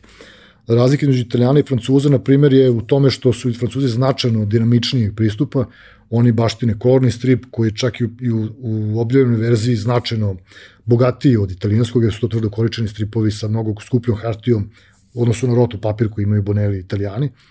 A, I što su to veći formati, to najčešće A4 formati veći, koji imaju od 4 do 12 panela po tabli umesto italijanskih 6. Koji često budu i, i potpuno ono, kad gledaš sa strane nekog nepravilnog oblika, nekog neočekivanog oblika. Vrlo dinamično, kod njih jako to važno, to igranje sa rakusima, kompozicijona, sa autorski filter mora da bude uh, mora da se osjeti autor iza svega. Oni upravo to baštini. Italijanima je mnogo drago da vide da ti poštaš njihov izraz, da, se, da, da si negde uniformisan, kako bi se rekao, standardizovan po njihovim mašinima, a kod Francuza je upravo suprotno tome. Oni hoće da vide tebe kao autora jer njima upravo to treba, sloboda uh, i kreativno rešenje, istovremeno je tržišna prednost, jer to je mnogo veće tržište, odnosno na italijansko i najmoćnije evropsko. A najveći izdavači na tlu Evrope su francuski. U pitanju je Dargo i Glena, to su dve velike krovne konstrukcije, tako, tako reći, koje se takmiče među sobom, imaju masu posestrima manjih firmi koji su manji izdavači. I ta, te dve velike kompanije imaju najveće tiraže, najveće naslove, a, i tako dalje, ali oni zahtevaju tebe autora, dakle ne da ti sad radiš po templejcu, nego kao kako bi to sad radio Ivan ili Stevan ili kako ko, ko god. I samim tim je tržište mnogo življe, dinamičnije i mnogo, mnogo se teže probiti tamo nego neka druga mesta, ne zbog toga što su oni zahtevni za, u selekciji, nego zato što jebi ga hiljade ljudi tamo hoće. I ti autori, to jest urednici dobijaju jako puno portfolija na dnevnoj bazi. I svi kidaju. E, većina njih su jako dobri već objavljivani autori i u toj gomili toga što pristiže potrebno je stvarno ono dam lak varijanta da bi na tebe neko pikirao oko i rekao ajde s tobom ćemo. A, ili na nivou a, toga da a, te neki urednik baš nađe negde na mreži ili neki scenarista pa da to zaživi, da krene. Mada može i apliciranjem portfolijom, što je procedura LinkedIn ili šta god, prosto radi posao, naravno da. Kod Italijana ne, oni su baš zatvoreni zato što bukvalno se s njima radi tako što one odluče da te pozovu i tako posle deo familije. Tako što te primete negdje. Nema drugog načina. Kod njih nema agenata, nema načina da se ti nametneš kao opcija. Oni te pozovu u familiju i to je to. I ti si onda trajno deo ekipe. Uh, a kod Francuza mnogo dinamičnije na nivou republike njihove, ili tog duha koji imaju, opet je dinamično, vrlo je familijarno, vrlo je toplo, vrlo je živo i od tebe očekuje scena da budeš originalan, dakle upravo to im treba. Da poštuješ njihov, njihov manir taj u izrazu, u dinamici, ali da budeš svoj. A, treće tržište, ali zapravo najveće na svetu je američko, koje nema veze sa OPH na 2, nikakve, nikakve. A, prvo u kompoziciji tih strana, a, u dinamici tih strana, u energiji emociji to je ono sve što je američkom stripu važno. Dakle, to čitanje stripa mora da bude neka vrlo dobra serija koja se gleda u dahu. Znači, to je strip, ne može da sad ima neke brojne planove kompozicijno gledano, da sad ti da crtaš, ne znam, se življavaš na trećem planu, ljudi u publici. Nije tvoj posao, sine, da budeš umetnik. Pa, oni hoće to, ali ti treba da budeš u, u službi priče. A, pre nego u službi sebe kao autora koji na neki način brilira. I, i, i to nekoga tamo zanima, oni imaju tržište i za to, ali na, na prvo mesto je važno da čitaoci prođu kroz taj strip kao kroz dobru epizodu dobre serije. Znači da je baš proživi pa da se ona vraća, da imate fandom koji je brutalno jak, najjači na svetu i ti ljudi stvarno rade onda čudo ako im se to dopadne. A potom postoji i ono neko istočničko tržište, Japan, Koreja, Kina, a, koje je, dobro znamo anime i to, ali mangi su tamo, to je izvorište mangi, i to je zapravo najpropulzivnija, naj, najbrža grana razvoja stripa danas. Mange su predominirale uh, svetskim tržištem, ima i svuda, najmoćnije su, svih čitaju, dinamika rasta uh, njihova je ono nestvarno velika, uh, potiskuju sve ostale forme stripa, zato što su se specializovale za mlađe generacije. Uh, I kad, pošto sam imao turneju prošle godine u Francuskoj, uh, od severa ka jugu, i u svim knjižarama gde sam popisivao svoje, svoje naslove, sam pitao ljude koji su vlasnici knjižara, to je striparnice a, da mi kažu neke stvari koje su mene zanimale. Kao što sam 2009. počeo da se bavim stripom, 2022. me je zanimalo št, kako se plasira svoj strip. Pa sam na tim da, mestima gde sam potpisivao od, od Liona do, do, do Nice, na svim mestima pitao, a, prosto me zanimalo kako bih ja mogu da plasiram svoj strip nezavisno, na primer, na njihove, na, u njihovim stripanicama, koji su ogromni lanci distributivni. A, I tu, između ostalog sam i neke druge stvari sondirao, pa sam saznao da mangi kupuju klinci koji su do 21-2 godine i toga kupuju nešto nestvarno puno i onda kako dođe do te 21. druge godine ima neki shift, oni staju i vraćaju se tradicionalnom stripu koji je francuski, američki, Odrastu. kako god. Izvesno je da se nešto dešava. E sa šta je? To je globalni trend, ali u Francuskoj je prodaja do te 22. godine, 21. druge, nestvarno velika. Čak dva do tri puta veća nego bilo koji drugi strip. A, u Italiji je sli, situacija slična sa mangama, za Ameriku ne znam, ali a, mangi su prosto danas uzrasno gledano najdominantnija forma stripa, najviše se čita. A, ali sam od tih ljudi saznao da, da mangi ne ugrožavaju tradicionalni strip, u smislu da prodaja klasičnog stripa je ista, samo što je manga prosto prodavanije. I ne umanjuje se uticaj e, klasičnog stripa, niti njegov domet, niti publika, već jednostavno klinici se jednom trenutku prebaci. No, dodaći ovaj detalj možda bude zanimljivo zato što u razvijenim društvima postoji određena kulturna politika, jel? A, za razliku od nekih drugih zemalja. I a, u Francuskoj, na primjer, saznaš da kad odeš, da država daje vouchere klincima, a, koji su na nivou aplikacije, koji su, čini mi se, bili 100 evra mesečno, svi klinci do, ja verujem, od ne znam tačno koje godine, do 14. dobijaju vouchere koji su on up najobičniji, da u muzejima, u teatru, u bibliotekama, u stripanicama potroše taj novac na što oni žele, ali mora da bude tamo, znači na tim mestima. I sad tu granicu podižu na 18 godina. Znači svaki ono, maloletno, svako maloletno lice dobija za neki svoj kulturni razvitak stimulans od države od 100 evra, koji samo na to može da potroši. I klinci to troše na mangi. Najvećim delom na mangi. Neće će sigurno pozorište, ne znam. To su tumačenje tih ljudi tamo. Niti muzeje, nego prosto dolaze i kupuju stripove kao sumanuti. Mangi. E sad ti zamisli kako bi to bilo kod nas da postoji neki samo nagovešte sličnog stimulansa, a, ne mora to biti strip, možemo, možda možemo i tome da počeskamo. Gaming je za te nove generacije značio dominantne forme izraza. Ne govorimo o onima samo gamerima koji igraju, već i o produkciji igara. Publika stripa u Srbiji nestaje, a mlađi, mlađi, to je nova publika, praktično ne stasava, a, zato što dobar deo tih mladih ljudi koji bi mogli biti kao njihovi očevi, na primjer, čitaoci, su u igricama. Mnogo ih više to zanima. A, I samim tim mnogo više klinaca zaglavljuje i u produkciji gaminga umesto u stvaranju stripa, iako su strip i gaming vrlo srodni. A, to je možda mali problem za strip inače, a, govorim kod nas konkretno, jer mi imamo velike majstore baštinu stripa koje je od Jovo Jovanovića Zmaja na ovamo prosto a, vek i nešto. A, nije, nije mala stvar i sada počinje polako da jenjava, zato što ne stasava nova publika stripa i ja sa 41 godinom sam najmlađi a, profesionalni etablirani autor u Srbiji. E, Za sada. Mislim, tu postoji nekoliko stvari. Meni se čini da se svaka od ovih stvari o kojima pričamo kulturološki naslanja i na ostale stvari koje postoje u tom establishmentu. Pa samim tim manga stripovi imaju i ceo deo sa filmovima i svim ostalim koji to naravno prati. Američki stripovi takođe su imali ono svoje uh, ekranizacije koje su mnogim uh, likovima donele neverovatnu globalnu popularnost uh, gde je ono kao znaš to je onaj moment kad nešto što je kultna stvar postane household item postane zato što jebi ga dođe na televizor mm. nekad je bilo televizor sad je internet jel? sad imaš igre koje prate opet to nešto što je poteklo možda iz, iz, iz jednog tog oblika ali meni se čini um, taj jedan moment uh, ne znam dovoljno, ti si taj što se bavi istraživo, pa bi volao ti da daš još malo tu konteksta, ali mi smo sa jedne strane uh, u tom nekom periodu pre raspada velike zemlje bili izuzetno aktivni izdavački, uh, što se tiče prevođenja posebno italijana i svega toga i neki od tih stvari su, mislim, jednostavno bile fantastične kao Alan Ford, ovaj, koga je i danas beskreno zanimljivo ovaj, čitati i shvatiš da se ništa nije promenilo i da i tako. Ovaj, ali si imao svašta nešto drugo i ja se sećam ono, de, dečije novine. I kao, brate, izlazi svašta.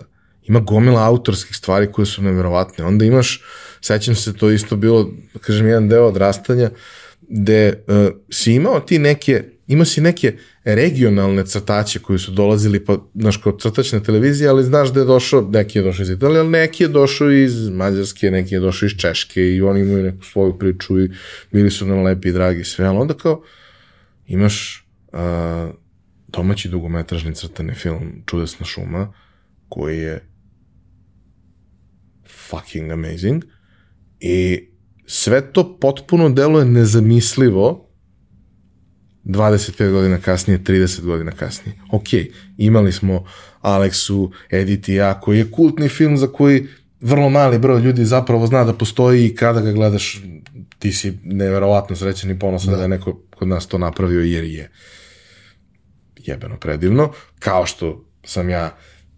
beskreno ponosan na to što je moj prijatelj Lazar Bodroža sa svojom ekipom napravio Ederlezi Rising koji može da stane pored bilo kog američkog sci-fi filma i da niko ne može da kaže, a vi ste ovo se skupilo društvo i ovo, svojih para ste napravili. Znaš kao, Body koji je napravio karijeru u dizajnu, kako je napravi pravi i dalje i kao 30 under 30 by Forbes, mag, by uh, Print Magazine i sve, sve to super. Uh, I kad ga ja pitam, a, dobro, ovaj, evo danas bližiš se poznim godinama, šta bi stavio u svoju biografiju?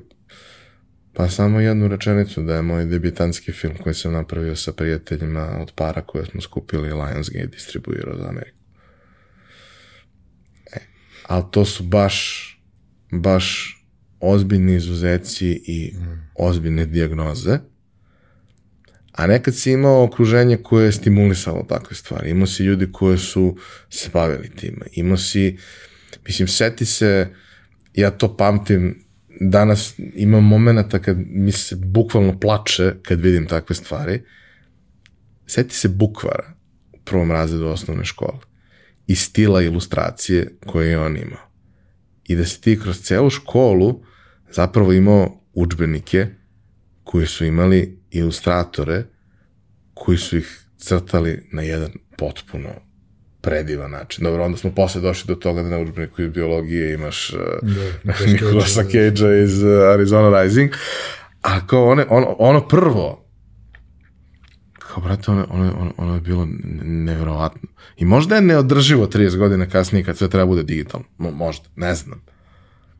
Ali postojalo je to nešto što je ugušeno jer nije esencijalno. E sad, uh, šta se tu zbivalo, šta su tu neke najvažnije stvari, šta si ti otkrio istražujući, kažeš, pričamo o vek nečega. Promenilo se na prvo mesto da društveno rađenje koje je promenilo i neki odnos prema životu, to je bar moje mišljenje. Više ništa nije lično, ništa nije, bog zna koliko važno, sve je korporativna vrednost i tržišna i tako dalje. I u toj korporativnoj vrednosti ilustrovanje bukvara više nije posao za umetnika koji ima odgovornost da to uradi za generacije, nego je to bukvar za ovu sezonu samo, koji mora da se isporuči do tog datuma.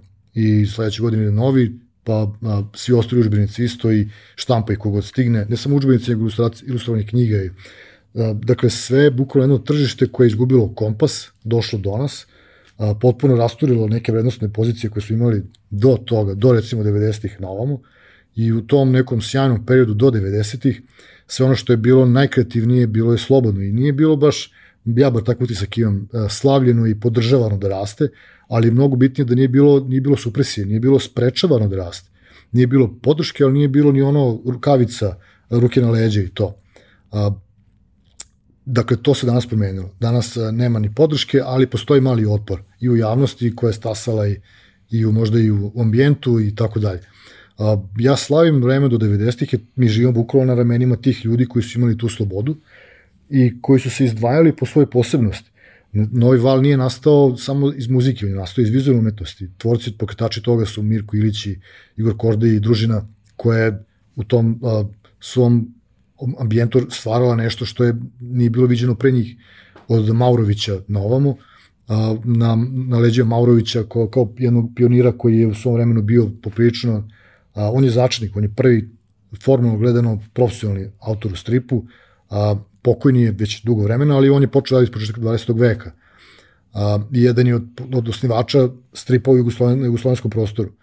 A, posle njega su ti ljudi koji su krajem 80-ih stasavali, radili, a, tu je i Janjetov koji je prvi počeo da sa Francuzima i to na velika vrata, a, i tako dalje. Dakle, prosto scena se otvarala ka svetu sa tim našim uh, endemskim kvalitetom koji je stasao na, na, na liniji sloboda, na liniji te izvorne kreativnosti koja nije bila tržišna, nije bila korporativna, nije bila ono planski usmeravana, nego jednostavno slobodna. Uh, I sami ti smo i privukli neku pažnju. I klinci koji su to čitali su klinci koji su kretali dalje tim putem, pa se onda desila 91. i nagli prekid u svemu tome i onda umesto da nakon ratova mi pokušamo da, mislim mi, generacije koje su tada imale odgovornost, da pokušaju da vrate taj talas a, i taj neki duh a, vrednostni pred ratova zapravo nisu bili dovoljno potentni u tome i gde su neš, neki drugi ljudi počeli da diktiraju standarde. Ja sam mogu da govorim kroz umetničku prizmu, dakle, ljudi koji su počeli da proizvode od te 2000. na a, uz čast izuzecima koje ja govorim u stripu ilustraciji, mahom i sve poznajem, a, Redki su ti koji su stvarno lični, koji su stvarno a, važni kao autori, pomenuti moj drugar Aleksa Gajić, a, ima, ih, ima ih još dosta po, u Beogradu, po Zemunu naročito, a, koji su stvarno majstori u ovom izrazu, ali oni su redki, to je jako mali broj ljudi. A, dok dobra, dobra većina ljudi čak i u regionu ide korporativnim duhom, razmišljaju a, finansijski, razmišljaju kroz liniju oportunizma, interesa i slično, samim tim to više nije umetnost, iako ona jeste umetnost. I sad u tom prioritetu vrednostnom u kome živimo, a, publika se, ne znam ja sam na koji način određuje prema tome šta će da čita ili da gleda. Ja nemam pojma. A zato što a, to što nama dolazi, ne dolazi sa istoka, dolazi sa zapada, sve vreme, standardi, a, trendovi, očekivanja, a mi smo zemlja na, na, na međaška zemlja, mi bi trebali po našem habitusu, mentalnom, emocionalnom, da usvojimo sa svih strana, jer tako smo i nastali. Mi nismo nastali samo na jednom mestu. To je bar moj stav. Ali pošto smo okrenuli leđa tradicijama, onim koje takođe postoje ovde nekim, a potpuno se okrenuli samo jednoj, e, i time se naš vrednostni poredak promenio. A, u smislu umetnika. A, niko više ne gravitira ka tome da bude a, umetnik koji se obraća publici, koji radi za publiku, koji radi angažovanu umetnost, koji ima nekog smisla, koja obrazlaže neke teme, komunicira o nečemu što je su otvoreni problemi i tako dalje. Ne uzima, ne, ne hvata se u koštac sa, sa vremenom u kome živi, što je odgovornost umetnika, pogotovo objavljivanog. A, već upravo naprotiv okrenuti se onome što su tržišne vrednosti na zapadu. To je a, to su rokovi, to je doslednost radu, to je ispoštuju kvalitet koji se tebe očekuje, ako je diskutabilan. A, I u suštini jedina zemlja u kojoj stvarno ima smisla Dobro, ja sam na osnovu ličnog primjera mogu da tvrdim i za neke druge zemlje, ali to je samo moja priča, ona nije toliko, toliko česta. U Francuskoj i se dalje slavi, se slavi naša 80. U smislu slobode da se izraziš. A, njima upravo taj, ta vrsta izraza treba sloboda. Jer ljudi koji na, na, na umetnost gledaju tamo komercijalno ne prolaze baš toliko dobro. To je Francuska, ali samo tamo. Tako da, ako gledamo o, o 20. veku i stripu na našim prostorima, on je neprestano rastao zbog velikog broja ljudi koji su strip stvarali. A, među najvažnijima koji su, pa su načeno za moju generaciju, možda neki pupak, tako reći, od njih je kretalo sve, a, koji su bili a, neka vrsta ono propulzivnog materijala koji je pokrenuo čitavu industriju kroz dnevnik u Novom Sadu, to je Bane Kerac, to je Željko Pahik, a, oni su ljudi, to su naši džinovi koji su stvarali umetnost stripa a, pogledu na druga tržišta, ali su zidali pažnju, imali ogromne tiraže u tadašnjoj Jugoslaviji 70-ih, 80-ih, u tim silnim magazinima koje, koje je Jugoslavija imala, koji su bili specializovani za strip. To su tiraže od 50.000 pa na gore. Nestvarni tiraže. I zahvaljujući tim ljudima koji su crtali tako dobro i pisali te scenarije i izdavačima koji su ih pokrivali, a, je strip došao i do naše generacije, to je do, u ovom slučaju do mene. Ja danas kao autor nemam prostor da utičem na, na neke nove generacije. Ja to pokušavam time što pričam možda sa drugarima, odlazim na neke mesta gde mogu da kažem nešto, pravim izložbe, radim sa klincima, radionice i slično, ali to nije dovoljno zato što institucionalno da bi se pokrenula umetnost ovog tipa potrebno je da postoji plan. A, I sad, ovo, ovo bih možda rekao još jednu kao jako važnu razliku, što je 80. to jest u 20. veku strip je bio deo a, deo korpusa političkih ideja. On, on je bio deo programa a, nomenklature na vlasti kojom se artikuliše pažnje mladih. A, I Novi Oval je bio delimično, čini mi se, isto tako nešto čime se artikulisala plaža, pažnje mladih.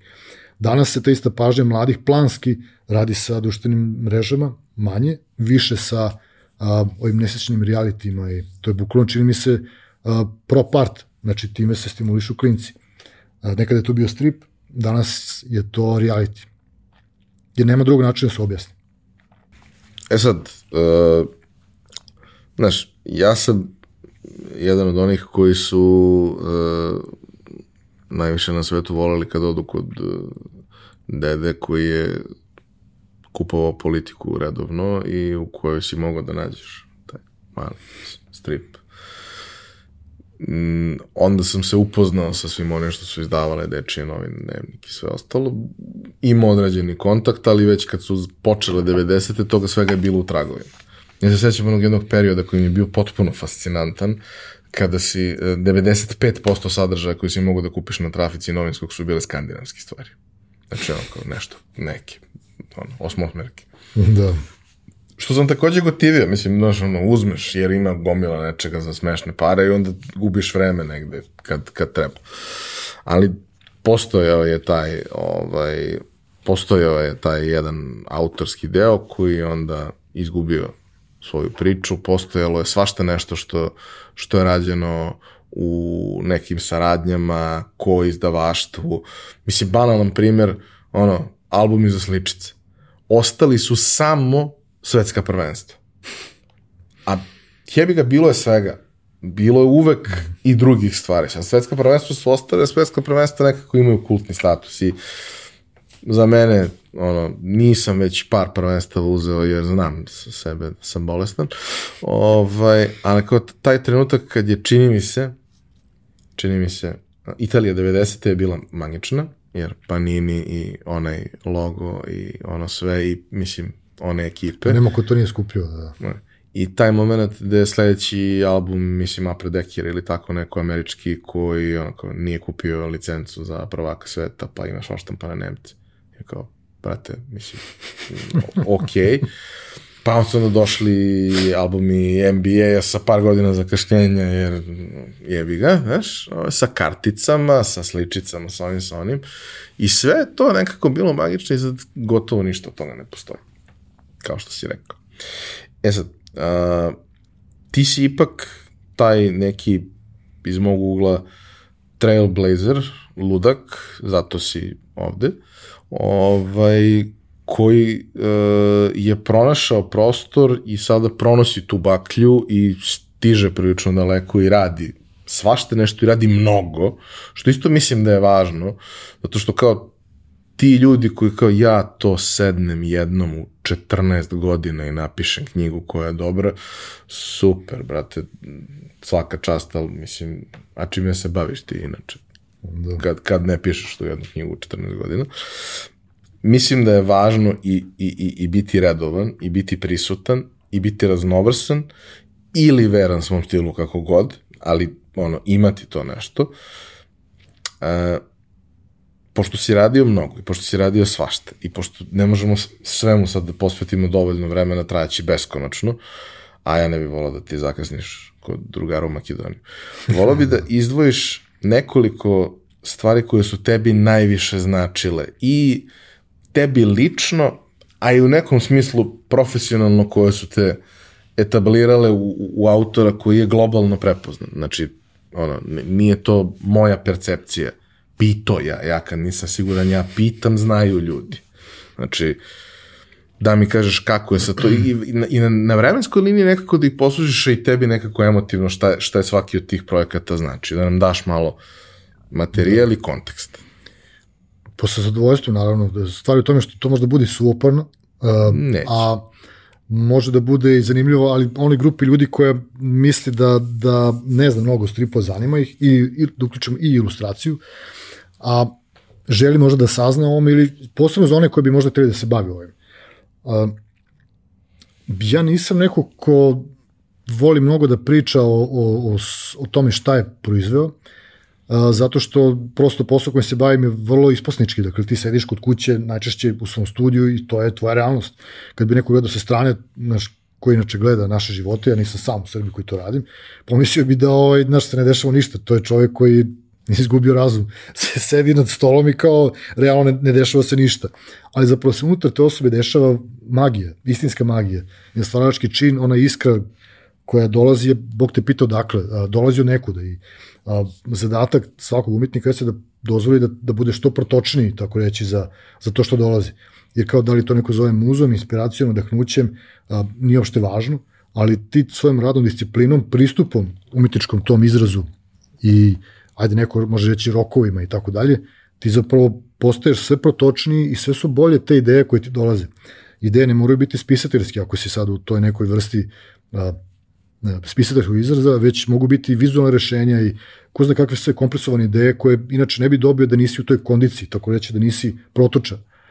Um, I onda svi naslovi koji su mi dolazili su dolazili baš kada su trebali i baš odgovorni koliko su, koliko su trebali da budu. To je, tako reći, uvek mnogo veći od mojih potencijala tada. I ja za sebe tvrdim, to je jedna od stvari koja poštujem kod sebe vrlo i, i radim na njoj, to je da moje zone komfora ja ih čak i anticipiram i preskačem ih odmah. U dvokoracima se suočavam sa svojim zonama. Dakle, ne dozvoljavam im da, govorim isključivo u, u umetničkom izrazu, zato što da to uljuljkavanje u nekoj formi, da li je to sa škola stripa određena, da li je to određen naslov ili žanr, mislim da nisu, nisu dovoljno dobar izazov, jer ako imaš neki korpus potencijala, ti si dužan da to prosleđuješ i drugima. A, zašto to govorim? Pa ću naravno nabrojati neke naslove. A, taj primjer stripa koji sam dao na početku, pa smo samo protečili preko toga, oni, oni strip koji sam našao bez prednjih i zadnjih strana, to je jako impresivno za mene bilo zato što a, ja sam saznao za naslov tog stripa tek 15 godina kasnije. Dakle, saznao sam kako se zvao a, autor tog stripa i ko je objavio taj strip, ko je napisao taj strip i sve te tehničke detalje. Point u tome da kad sam ja taj strip našao, on je bio objavljen 30 godina pre tog mog pronalaženja tog stripa. Dakle, ti ljudi kad su taj strip proizvodili nisu imali blagu predstavu gde on odlazi i kakav uticaj vrši. E, to je taj kognitivni moment kada ti proizvodeći svoju umetnost, ti znaš da si preuz odgovornost i istovremeno znaš da to kada bude objavljeno više nije tvoje. Gde on odlazi i šta radi, to je to je opet veliko pitanje, ali uvek nešto radi i uvek se negde nešto desi. Ja sam recimo taj strip pronašao ispod te kutije na tom tavanu, koji je tamo došao, Bog te pita kako, ali je pre 30 godina objavljen u Italiji. E sad, kod mene je taj strip lansirao sinapse i sve to što sam ja danas, bukvalno. I u suštini, kada proizvodim svoje stripove, uvek je tako bilo, gledam da proizvedem strip takav da se obraćam publici koja čak nije rođena dok je taj strip stvaran. Znači, gledam u prostoru i vremenu, uslovno rečeno napred i nazad, bukvalno dok. A, I samim tim svaki panel se računa, svaki karakter se računa, svaki, svaka tekstura se računa, nemaš mire. A, stripovi koji su se izdvojili a, su stripovi koji su meni promenili karijeru, pa i život, tako reći. U Italiji to je bila jedna sveska istorije, a, gde sam se osmelio da kažem ti ljudima da ću ja da narušim sada njihov koncept, ja želim da radim strip na sasvim drugačiji način, po svom. A, I oni su rekli, ajde da vidimo kako će to da izgleda. Kad su videli kako izgleda, odlučili su da podrže Dakle, to je odstupanje od zone komfora kad si krenuo, vrlo smelo, i ovo sad ću dati kao primjer jer se ponavljalo do danas i danas je tu. A, taj strip je objavio 204. četvrtak u Srbiji a, i vrlo mi je drag, a, zove se treći dan u prevodu našem. Jer to je strip koji je bukvalno pokazao da ako želiš i ako smeš da kažeš tačno svoj stav po cenu toga da možda izgubiš posao i slično, da se to ipak vrati, jer nisi se samo bacio alavo u, u ne znam, sa apetitom za profitom, nego si rekao smisleno da želiš da im ponudiš novu vrednost, sa razlogom i sa određenim rezonom iza. I ako se najde na osobu koja to razume, dobijaš ogromnu priliku i stvari počinju vrlo brzo da se razvijaju. A, strip koji je došao posle, u svakom sam to zapravo radio. Uvijek sam nudio nešto novo, nešto smelo što nikad ranije ja nisam radio i onda je uvijek doza rizika da zasere, jer kao realno ako ne uradim stvar, a ekipa koja to gleda će reći čekaj, ovaj nam je ono prodao priču i onda, onda, onda izdao sve što smo od njega očekivali. I onda više nema, nema nazad. To je trajni trag s tobom. Dakle, uvijek je rizik u, u posredi. A imaš i taj moment, nismo ga suštinski pominjali do sad, ali ti imaš ok, budžet, naravno, ali imaš rok, mislim, i kao, postoji rok, može tebi da se tako sviđa, je. ne sviđa, a to ti je rok. Mm -hmm. Nema, treba mi još četiri dana, možeš ako baš najaviš mnogo da, na vreme, pa nešto, se vreme vodi pa, i govoriti, a kao, nije da. to sad, dajte vi meni, pa ću ja nešto doneti za jedno dve godine kad to izađe iz mene. Da, ali upravo ti govorim onome što se dešava Imaš sad. on demand. Ajde nekako ostane zabeleženo u razgovoru i to, da sada da imamo Jokića Đokovića koji dominiraju u ovome što radi. Na primjer, Jokićevo, Jokićevo igra u NBA i upravo ovo čemu ja govorim. Van klišeja. A, pustili su ga da se igra. I kao poslednji pik, na, kao najniže kotirani pik danas je, ili na draftu danas je to što jeste. Znači, neko ipak verao u njega, u njegovo ludilo. Mislim da taj moment koji je izjavio pre neki dan da ovaj, ono, they, they didn't believe in the fat kid, never underestimate the fat kid. Znači, brate, ono, bukvalno mi se plakalo. Mislim, uh, osoba koja uh, prethodi tebi, prethodne epizode, je Dejan Milojević. Čovek koji je, jeli, došao da radi sa Buckom, koji ne može da uradi sklek. Čovek koji ga je pripremio za ono što dolazi, koji je danas prijatelj sa njim i sve ostalo. I Deki je, mislim, više, Sjajno, više super. nego predivna osoba. Kako kuriozitet vidiš. Ali, ali taj moment gde kao, da, brate, ne, koji šablon? Može, može sve, sve to okej. Okay. Biti i, ono, master u šablonu, to je skroz u redu. Ali magija se dešava na mestima gde neko gde dođe i razbije šablon. Da, i kada ti podrži neku tome, ali mora da postoji rezon, znaš, no on je imao pa vidi, igre koje su da Ti imaš track rekord zbog koga ti sada verovatno daju mnogo više slobode nego što bi davali nekome drugom, ali tih prvih nekoliko je moralo, su morali Upravo. da veruju. Zato sam teo, mislim, da ne bude baš suvoporno, mada jeste suvoporno, ali Ništa ti podaci ti za one da koji slušaju i ostaju na mreži, neko će možda da ostane negde kao važan input. A, taj početak ne sme se niko plašiti upravo toga čemu sad nas dvojice časkamo. Dakle, taj početak mora da bude vrlo smeo. Dakle, ono, ako misliš da imaš određeni potencijal i znaš da to tvoje vredi, a, mora da se rizikuje. Uvijek ti visi nad vazduhom to klatno neuspeha da te ono kao, jeli, vrati par godina nazad, ali jebi ga, to je cena koju moraš da platiš lična, intimna, emocionalna, ukoliko misliš da si negde krenuo. Mislim, ako baš hoćeš da igraš na sigurno... Ne govorim se čak ni o ambiciji, govorim o tome da imaš nešto što želiš da podeliš sa ljudima. Ako želiš da igraš na sigurno. Ja nisam bio u stripu, ali jesam u dizajnu, proveo neko vreme. Ja sam uvek znao da kažem u nekim situacijama, dobro, ja ću vam da uradim ovo što ste vi tražili. I ja ću da uradim onako kako ja mislim da treba. I vi onda izaberite koje od ta dva hoćete, koji god izaberete, meni je na kraju dana, ok, ja sam plaćen za svoj rad, ja to posmatram na taj način. Ali imam osjećaj da mogu da vam dam nešto i ja ću vam napraviti ove verzije, pa sad vi birajte. Da. I vrlo često su izabrali onu drugu koja kao nema veze sa onim što je bio brief. Mm -hmm. I mislim, jednom, jednom prilikom sam rekao ovaj, tadašnjoj devici i mislim da sam tad negde iskapirao da je ta veza bila pogrešna. Ovaj, uh, taj trenutak gde, gde, gde ona kao treba se uradi logo neki, sad ok, mislim nisam ja logo dizajner, ali mogu da nacrtam po nešto. Meni kad treba nešto sjajno, znam koga pitam. Ali za neke bazične stvari, za test, za probu, mogu da napravim sasvim neko ok rešenje. I sad ona meni opiše šta hoće. To je beskreno komplikovano, nema, nema trika da se napravi da izgleda kako je. I ja u mi nacrtam nešto i pokaže mi, ona kaže, o, okej. Okay. Kažem, e, znaš kako funkcioniše ovo? Tako što znaš šta ti treba onda kad ga vidiš. Ne, ne, ne, ne, ja se, ne, svaki put u životu kad sam ja poslao nekome od ljudi koji su briljantni u tome, a znam ih dosta, kad sam ja njima poslao šta oni meni treba da nacrtaju, to je bilo okej. Okay. Svaki put kad sam ja njima rekao šta hoću da iskomuniciram i rekao, aj sad vi ono vaše, jer ima razlog zašto ste vi to što jeste, ja sam to ovako ugledao sa strane i rekao, ima razlog što vas ljudi plaćaju, kao da nije prvi put da ste uradili nešto ovako. Mm. To je, to je magija, ali to je isto ta situacija da ti ne znaš šta ti treba do trenutka dok to ne vidiš, do trenutka dok to ne osjetiš i, i ne doživiš. Ali kao, ok je ići na tu varijantu, imam 8 sati, uh, ako budem radio 16, mogu da uradim obe, pa izaberite. Znaš, kako god ali ajmo da, da se vratimo na tebe. Jer... I oni će uvek izabrati, naravno. Ovdje smo na trenu koji ima jako puno tema koje su baš jako zanimljive, onako substancijalno mogu da pomognu mladom, mladoj a, da, donosu, da donose odluke. A, ja bih sad ipak dao, moram, moram kroz primere, to je uvijek najzahvalnije jer, jer je i proverivo, jer pretpostavljam da oni koji budu slušali bi želeli nešto da, i da provere.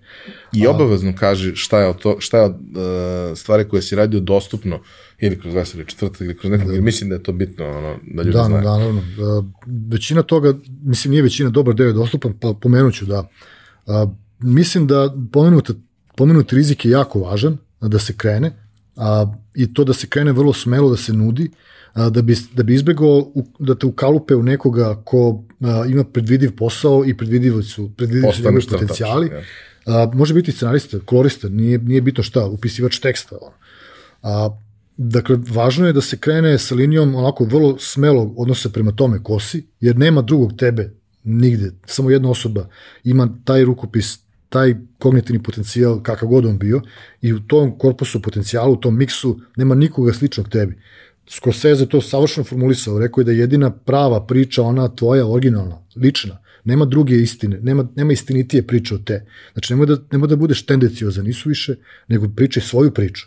Jer ljudi osete kada je u pitanju neka vrsta, ne znam, domišljavanja ili pretencioznosti, oseti se to i to je odmah repozivno. To ljude odmah prosto odbije jer vide da ne samo da ne znaš tačno o čemu govoriš, nego dosadno je malo zaboga. Dakle, biti ličan. A, I onda to znači da moraš biti iskren prema sebi i odmah nuditi stvari. A, to je meni krenulo s italijanima, potom s francuzima, u pitanju te Moriarty, koji će biti objavljen i u Srbiji, objavit će ga moje, moji drugari iz Makonda, to je inače moj, moj izdavač za, za Srbiju i za region, objavili su mi Konana, objavili su mi Tarzana, uh, objavili su, uh, sada će da objave i uh, Moriartija, Moriarty je preveden do sada na 17 jezika, to je moja najprevođenija knjiga do sada. Uh, I to su sjajni moji drugari koji jako dobro rade posao, ja sam prezdovan kako te knjige izgledaju. Konan je rasprodat u Srbiji prošle godine, Tarzan još uvek ima i sada planiramo crno-bele izdanja Tarzana, Konana i Moriartija. I to je nešto čime se ja, zbog čega se baš veselim, zato što su to knjige koje u posebno crno-belom uh, smatram sebi najbližima, zato što svaka umetnost nastaje iz, iz crteža prvo. Potom, da li će ona otići u sliku ili u nešto drugo, ali makar i skica za skulpturu nastaje u crtežu. Dakle, crno-belo. Ja crno-belo smatram sebi najvažnijim. I baš mi je drago zbog knjige što će one biti baš u Srbiji i na srpskom. Jedini, jedino mesto na svetu za sada gde će biti sve te knjige u crno-beloj verziji će biti u Srbiji. Jer nisu sve nastale u Francuskoj. A, moram da kažem i to da, da ta smelost i hrabrost da budeš dosadan sebi nosi svoju cenu a, zato što uvek je rizik prisutan, to znači da nikada nisi na sigurnom, da nema zasluga, već da moraš uvek da dokazuješ tu svoju autentičnost kao produktivnu i kao smislenu na svakom narednom projektu. A, I to sad zametni znači da ideš linijom ogromnog otpora, jer moraš da svaki put se boriš za, za poverenje nove redakcije. Jer, kažem, nema, nema zasluga u tržišnoj ekonomiji, nije, nije, nije nikoga mnogo briga šta si ti uradio do sad. A i to naročito važi za, za Ameriku, a, jer sada trenutno radim na naslovu, sad upravo, mislim, za 10 dana treba da izađe pet epizoda serije na kojoj radim. U pitanju je uh, The Riddler Year One, to je uh, zvanični prikvel filma Batmana, ovog novog prošlogodišnjeg Meta Reevesa. A, radim sa Paul Danom, to je uh, pisac scenarija, a zapravo je glumac u filmu koji je igrao Riddlera i manje više za Paul Dana zna svako ko je gledao nešto ili ga zanima uh, film na malo, malo širem smislu, a, igrao je, radio je sa Denis Villeneuvom, radio je sa Robert De Nirom, radio je sa Bongom, radio je sa tonom ljudi, dakle čovjek koji ima, čini mi se, tri Oscar nagrađena filma da igra u njima. A, on je dve godine mlađi od mene i neverovatan je čovjek. A, imam tu neverovatnu privilegiju da radim sa njime, jedan na jedan na stripu. I sad bi kroz ovu priču dao još jedan primjer, možda i ključni za kraj, kao zašto je važan taj, taj moment a, iskrenosti toga da ne daš da ti se daje, nego da budeš taj koji želi da on sam da, da preuzmeš inicijativu. Um, počeo da radim sa DC Comicsom, koji je jedan od dva najveća svetska izdavača stripa, a, koji, kada su mi ponudili da radim na, na ovome, isprava nisu, nisam mogao da znam o čemu je tačno reč, zato što prvo imaš gomilu NDA-a, a s druge strane što je to najveći izdavač na svetu koji je imao taj korporativni duh, pa ga ima, mislim, i to bukvalno kao svaka velika korporacija na tlu Amerike, kao McDonald's, kao sve drugo. Jer DC je Warner Brothers, DC je zapravo pod uh, vlasništvom Discovery. Bukvalno korporacije, u kojoj ja ne znam ništa. Dakle, ja nemam odnos prema korporativom, što više u, u svom duhu, u svojoj prirodi, ja imam otpor prema tome. I počinjemo da razgovaramo, ja i ne znam i dalje o čemu se radi, i saznajem da su oni zainteresovani da me uvrste u jedan projekat, govorimo u februaru prošle godine. I sad, ja ne mogu da znam još uvijek o čemu se radi, ali samo pokazujem interesovanje i, i oni takođe. I onda prosto počinjemo da potpisujemo NDA, da bi počeli da me uvodu u priču, da saznamo o čemu, o čemu je reč. I tek nakon četvrtog ili petog potpisanog, e, rekli su mi da je u pitanju nešto što je vezano za Batmana, da je to vezano za film, i da jedan od glumaca iz filma radi na scenariju i da on traži osobu s kojom će da proizvede strip. I sad ja pot, pot, potpisujem još jedan NDA i onda... Sreće nema mnogo. Nema ih mnogo u ovom slučaju, da. I sada sledeća stavka je, pošto nikako mi ne stiže ugovor za posao, ja sam potpisio te stvari, ali to nisu ugovori koji meni garantuju neku vrstu na posle, jel? A šta se čekalo? Čekalo se da, da, da se Pol i ja upoznao. E sad, taj, to upoznavanje se obavlja preko Zuma. Mi sad treba da se upoznamo na mreži. Ono, jel? E sa s tim što sam ja, by the way, džinovski fan tog čoveka, jebi ga. Ja sam ono, a, recimo u Denis Villeneuve filmu uh, The Prisoners, on igra sa Hugh Jackmanom, ima jedna scena u, u, u kupatilu u kojem, znaš, pošto Paul igra nekog lika koji je, ono, mentalno izazvan i Hugh Jackman razbija neku, neku sudoperu s nekim čekićem i to, ono, ono preporučujem film ljudima koji nisu gledali. Ja screenshotujem tu scenu i delim na mreži kao impresivno iz različitih razloga narativnih i, i slično. I sad ja s tim istim čovjekom treba da idem na Zoom sutra, na primjer, dogovoreno, treba da se upoznam. Dakle, nije nešto što prolaziš svaki dan, malo mi neobično iskustvo, nemam to iskustvo ja i nemam pojma kako ću se ponašati. Ona priča o penjenju na visinu, kad će ti se zaključa koji ide od tebe, nemaš pojma. Um, i, ali ulazim smelo koji sve drugo, dakle, idem da se upoznam s čovjekom koji ima rad sa svim tim džinovima, sam tim ima ogromno iskustvo i reputaciju i, i može biti kak, ko zna kakva osoba, naš, hollywoodski glumac. A, no, taj se Zoom desi, a, sutradan, a, mi smo pričali sat i po vremena, urednik Pol i ja, upoznali se i shvatili smo u hemiji rumeni svi da, da je bila desila se iskra, da imamo neko prepoznavanje na nivou a, on, intimnog, emocionalnog, bez, bez obzira na razlike u jeziku, bez obzira na kulturološke, na, na, pa čak i statusne razlike u životu. A, ja živim u Zrenjinu i, radim u jednom malom a, gradu koji ima poprilično puno problema, a on se meni javlja iz Njuraka iz, iz, iz svoje kuće koja Dakle, ali bez obzira sve te razlike, ono što najvažnije je zapravo bilo do te mere impresivno da su mi odmah znali da se dešava. Um, I tada sam u tom razgovoru s njime saznao da je, da je on godinu dana sa DC Comicsom tražio osobu s kojom će da radi. DC mu je odmah isporučivao onu prvu ligu igrača njihovih koji su tamo zvezde, ali super, super starovi američkog stripa. On ih je odbijao sve redom, pa su mu posađivali nove i on je sam tražio ljudi i posle godinu dana pretrage, posle ne znam, bili 700-800 portfolija, on se zadržao na mom radu. Što je impresivno po sebi. Za mene bio, i to tek kada mi je rekao. I posle toga su počeli da razgovaramo dva puta nedeljno, bar dva puta nedeljno, o stripu, a jer on je tek, tek, tek počeo da piše scenariju a, i to je trajalo pet meseci. Mi smo pet meseci bezmalo razgovarali o stripu. A, dakle, on razminjivali ideje kako bi to trebalo da se vizualizuje, koja škola, koji narativ, a, broj strana, dakle, bukvalno nije ovo detalje. I tek posle tih 4-5 meseci mi smo počeli da radimo na samom stripu. I kad smo počeli da radimo, za njega je to bio izazov veliki, jer on je, on je pisao film sa svojim suprugom, zove se uh, Divlji život, Wildlife, uh, i režirao ga je, ali nije nikada pisao format za strip. I trebao mu je neko s kim on to može da prođe, dakle neko ko bi mu pomogao dramatuški oko samog ono, formi, formiranja za mediji, njegovih ideja i pritom da vizualizuje to sve. Monumentalan posao, zato želim da podelim ovu priču sa, sa ono, na tvojom publikom, jer a, a, može da bude stimulativno i da da tačan primjer šta znači iskoračiti zone komfora i smelo reći da ja mogu. A, sa ogromnim rizikom. Dakle, cena je, zalog je ogromna na nivou karijere i svega. Naravno, rizikuješ.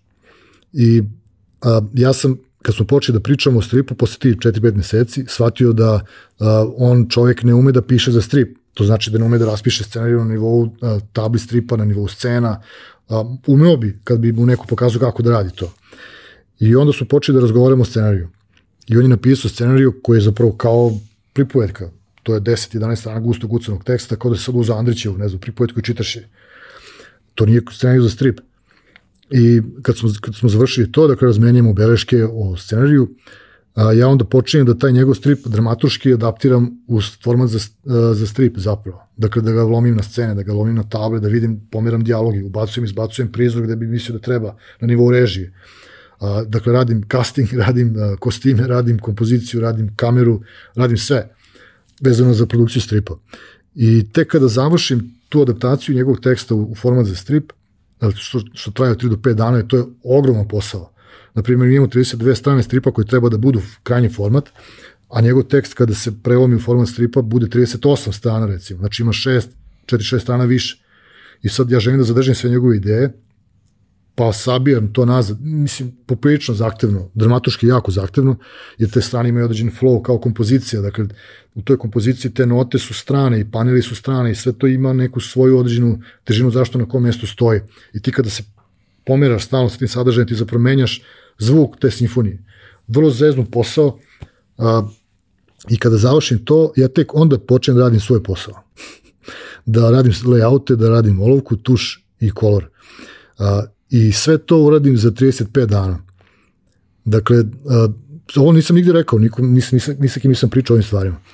A, osim sa svojim drugarima i ljudima koji možda znaju kroz posao. A, I onda kada smo uradili taj deo vezan za tuš i za prvu epizodu, ja sam se izjasnio da želim da radim i kolor. Nikad u životu nisam ništa iskolorisao. I sad radim za DC Comics, sa Paul Denom i kažem da hoću da radim i kolor na ovom stripu. I sad ne zna šta će da kaže. Paul će reći da, zato što me upoznam dobro, zna da ću, da, uradim, da ću, da ću dati sve od sebe, zna da će to biti do jaja, ali šta je kako će da reaguje korporativni DC koji treba da da jedan ukupan paket uh, jednoj osobi koja nema ništa sa njima do tada. Znači nema ništa objavljeno u Americi. A, dakle, i onda dolazi do izražaja onaj meni mrski korporativni deo kad treba da se pregovara o stvarima.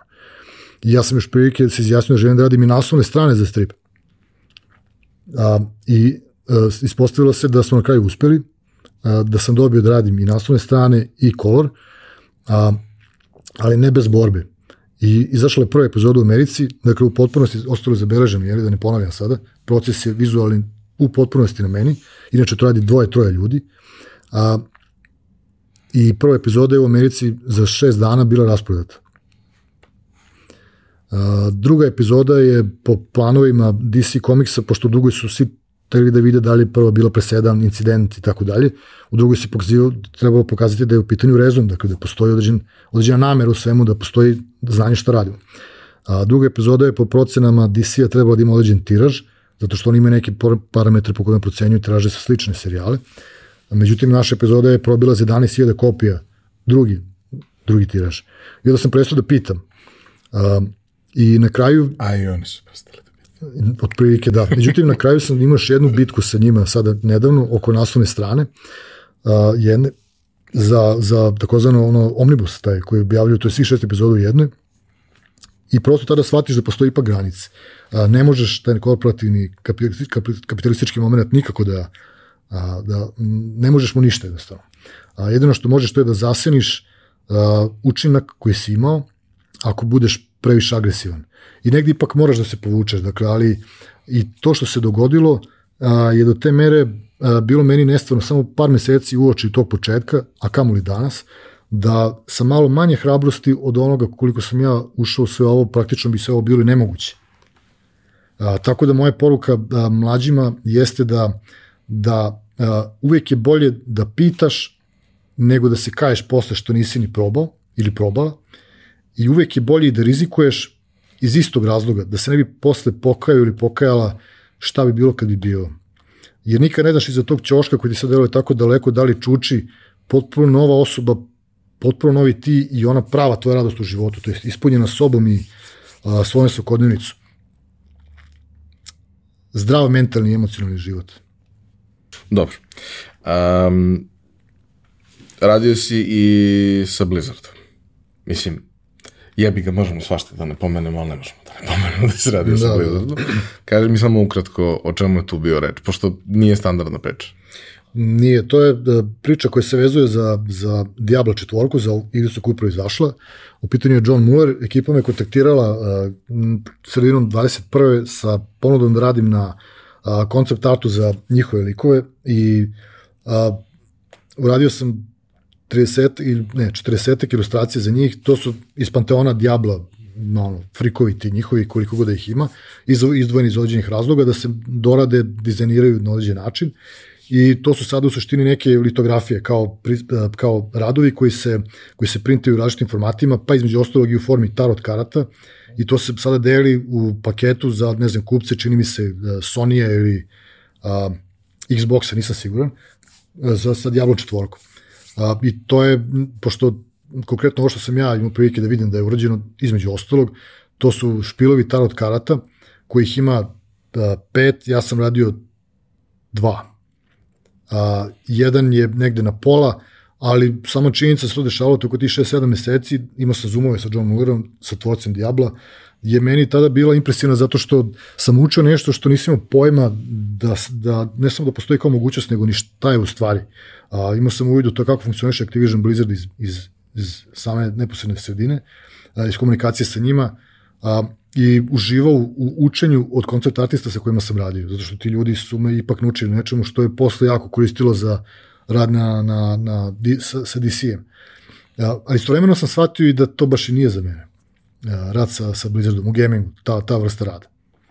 A, jer a, ja volim da radim na nivou a, a, slobodne volje, volim da radim na nivou intuicije, na nivou nekog rešenja koje je nepredvidivo, ne nepredvidivo u smislu a, stila, već u smislu rešenja. A u korporativnom duhu koji jeste Blizzard, to je praktično nemoguće. I stalno ta povratna sprega koja dolazi sa ko zna kakvih departmana, pravnih, ovih, onih, to se stalno koriguje na različite načine koji nisu najčešće umetnički, već tržišni i slični. Nisam, da, nisam se pronašao u tome da bih poželao da, da nastavim da radim sa njima. Ali to sam samo ja, prosto moje iskustvo je tako, posle 7-8 meseci rada, koji je bio vrhunski profesionalan, sa sjajnim ekipom koja već tada su pričali, to je pred dve godine u oči izlaska Diabla, su imali neverovatne apetite prema ovoj novoj epizodi koju prvo izlazi. Vidi, uh, ni ja ne volim Real Madrid, ali ne bi odbio da probam. Mislim da. Hvala ti. Um, daleko si stigao za onog malog čudnog što crta za svoju dušu u Zrenjaninu ovaj, i igra futbal i niko ne zna da crta. Hvala ti što si podelio ovu priču. Ne smem da te zadržavam duže ako bi te pitao još hiljadu stvari jer će me ubiti tvoji drugari u Makedoniji i drugar koji te čeka.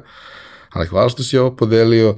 Hvala što deliš stvari koje radiš kroz breže, uh, jer mislim da je jako važno da ljudi vide proces i vide kako nastaje nešto što na kraju bude onoliko impresivno i onoliko predivno. Uh, hvala ti što si inspiracija svakome ko sebe vidi u kreativnom poslu, u bilo kom domenu, kada vidi tebe, shvate koliko daleko može da se dođe, čak iako taj put malo nestandardan i podrazumeva 9 godina naftne bušotine.